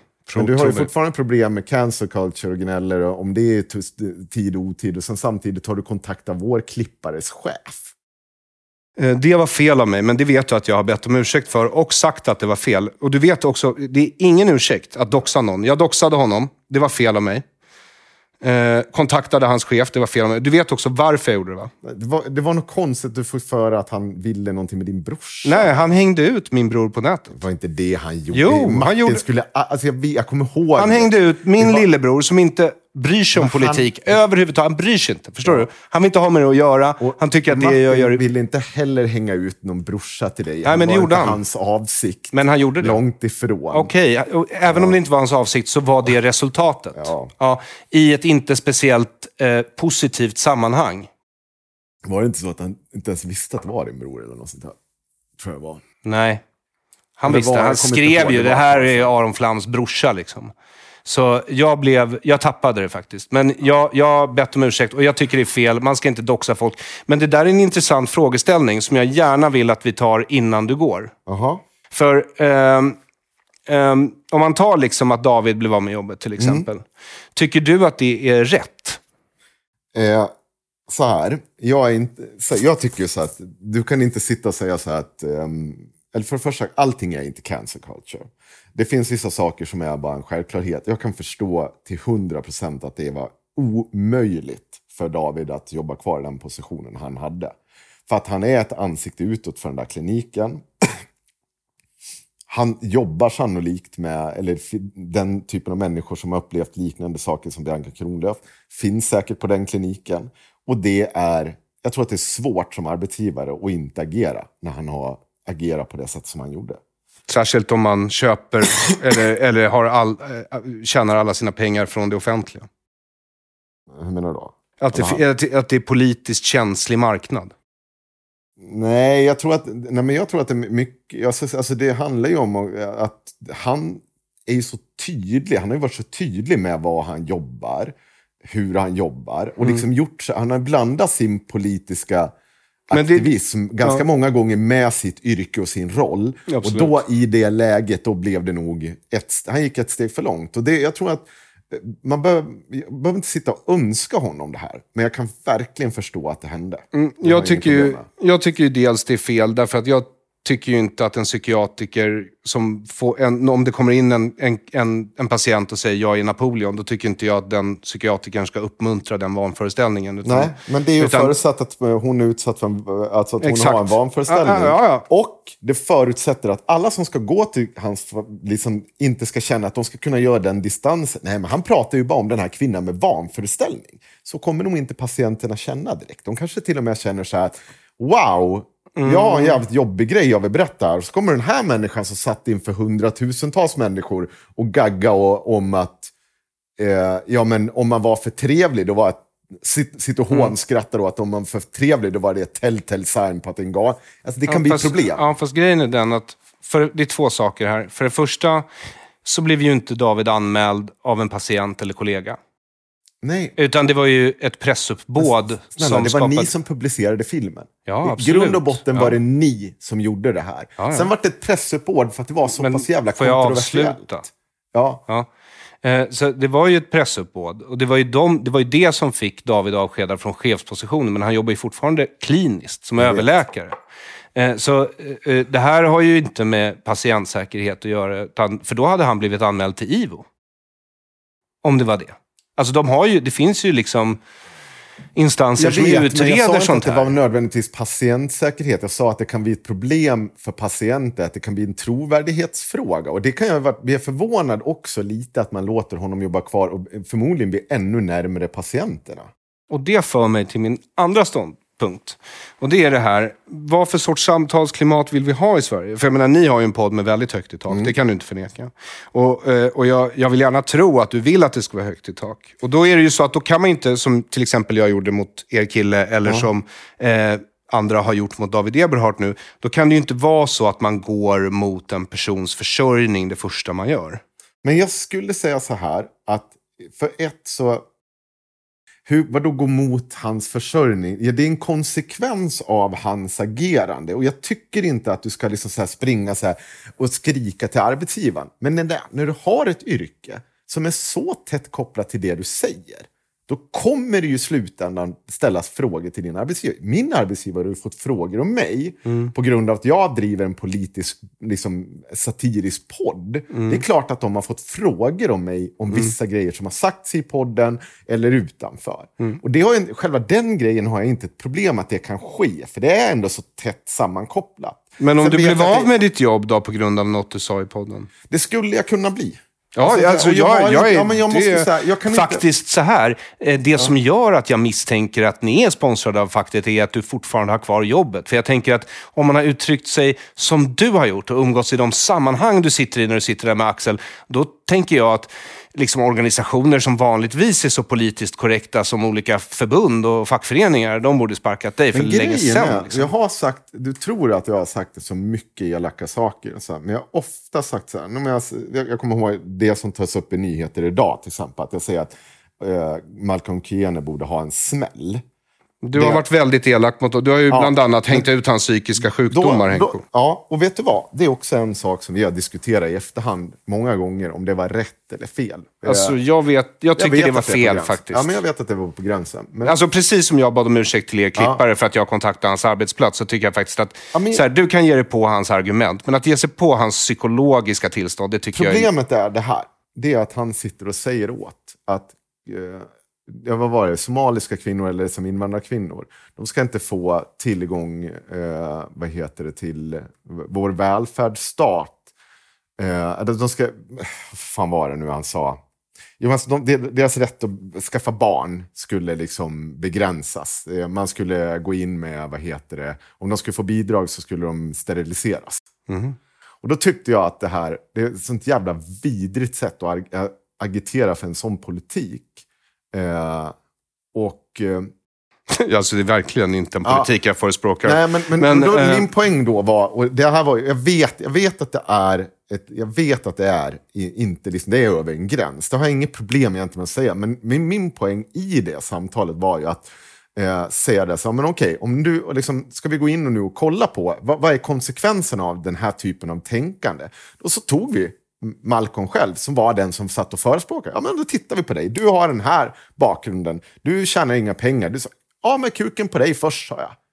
Men det var ju ingenting jag ville eller sa. Jag var ganska tydlig med att det här vill inte jag. Du tyckte är inte det var jag- relevant egentligen. Jag tyckte det var relevant, men okej, jag vet att det är att gå över en gräns. det, var, det är ju över en gräns. Ja, Eh, men, men- men, ja. Mm. det finns liksom så en kontext det sker i som jag har vill åtminstone ta bort en del av. Sen kan jag ha gått över en gräns, absolut. Jag Ja, har är gått över fler som, gränser som när jag gav mig på er klippares eller vad det var, arbetsgivare. Det, när jag gick över en gräns. Och jag har en förklaring, men det är inte en ursäkt. Men- Förstår du? Jag, jag måste någonstans snurra, snurra in det tillbaka med vad du frågar om vi vill ha högt i tak. Ja, men det är ju precis det som är den här podden och den satir som jag tycker att vi gör. Det handlar ju om att påvisa dumhet med dumhet på något sätt. Och vad som är, ja, men som jag sa, det här med att om någon säger ett fult ord åt någon, vad är egentligen värst här? Här, eh, ja, ta Bianca, här är en kvinna som blir utmålad som en lögnerska på ganska, eller på inga som helst jävla bevis överhuvudtaget. Eh, det är vad du tycker och tänker. Kontra att någon säger ett fult ord om dig. Okej. Jag Alltså, tycker, det ja, det är, ja, och det är det här som vi, jag tror att det här är många gånger som, att jag fortfarande är liksom, just du säger att jag kommer från en rörelse som är ganska PK och så vidare. Men jag tycker också att det finns en samtidsdebatt. Alltså, du är inte PK, Henrik.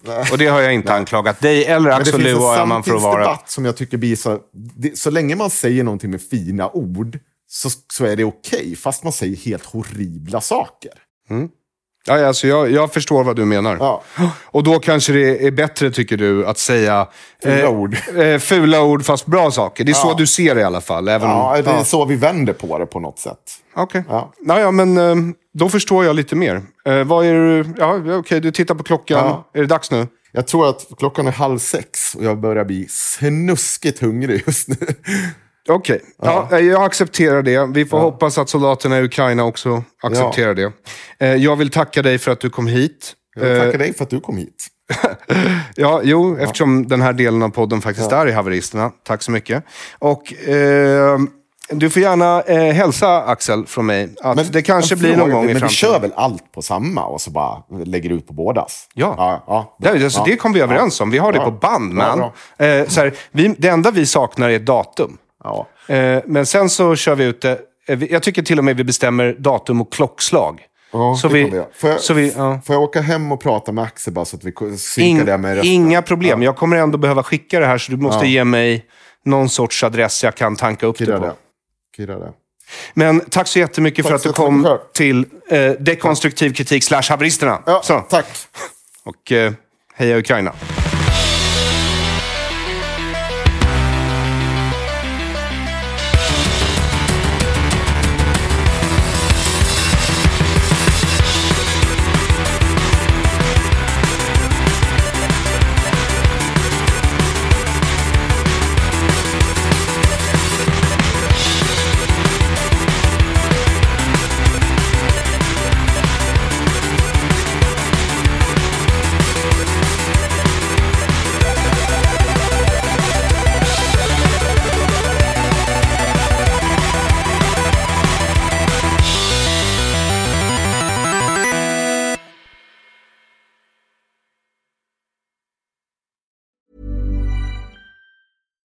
Normally, being a little extra can be a bit much, but when it comes to healthcare, it pays to be extra.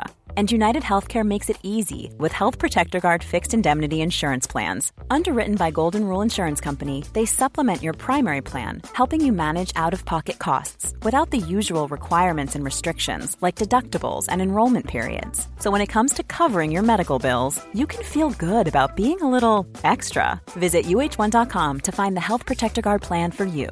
Hey, it's Paige DeSorbo from Giggly Squad. High quality fashion without the price tag. Say hello to Quince. I'm snagging high-end essentials like cozy cashmere sweaters, sleek leather jackets, fine jewelry, and so much more. With Quince being 50 to 80% less than similar brands. And they partner with factories that prioritize safe, ethical, and responsible manufacturing. I love that. Luxury quality within reach. Go to quince.com slash style to get free shipping and 365 day returns on your next order. Quince.com slash style. Hey, it's Paige DeSorbo from Giggly Squad. High quality fashion without the price tag. Say hello to Quince. I'm snagging high-end essentials like cozy cashmere sweaters, sleek leather jackets, fine jewelry, and so much more. With Quince being 50 to 80% less than similar brands. And they partner with factories that prioritize safe, ethical, and responsible manufacturing. I love that. Luxury quality within reach. Go to quince.com slash style to get free shipping and 365 day returns on your next order. Quince.com slash style.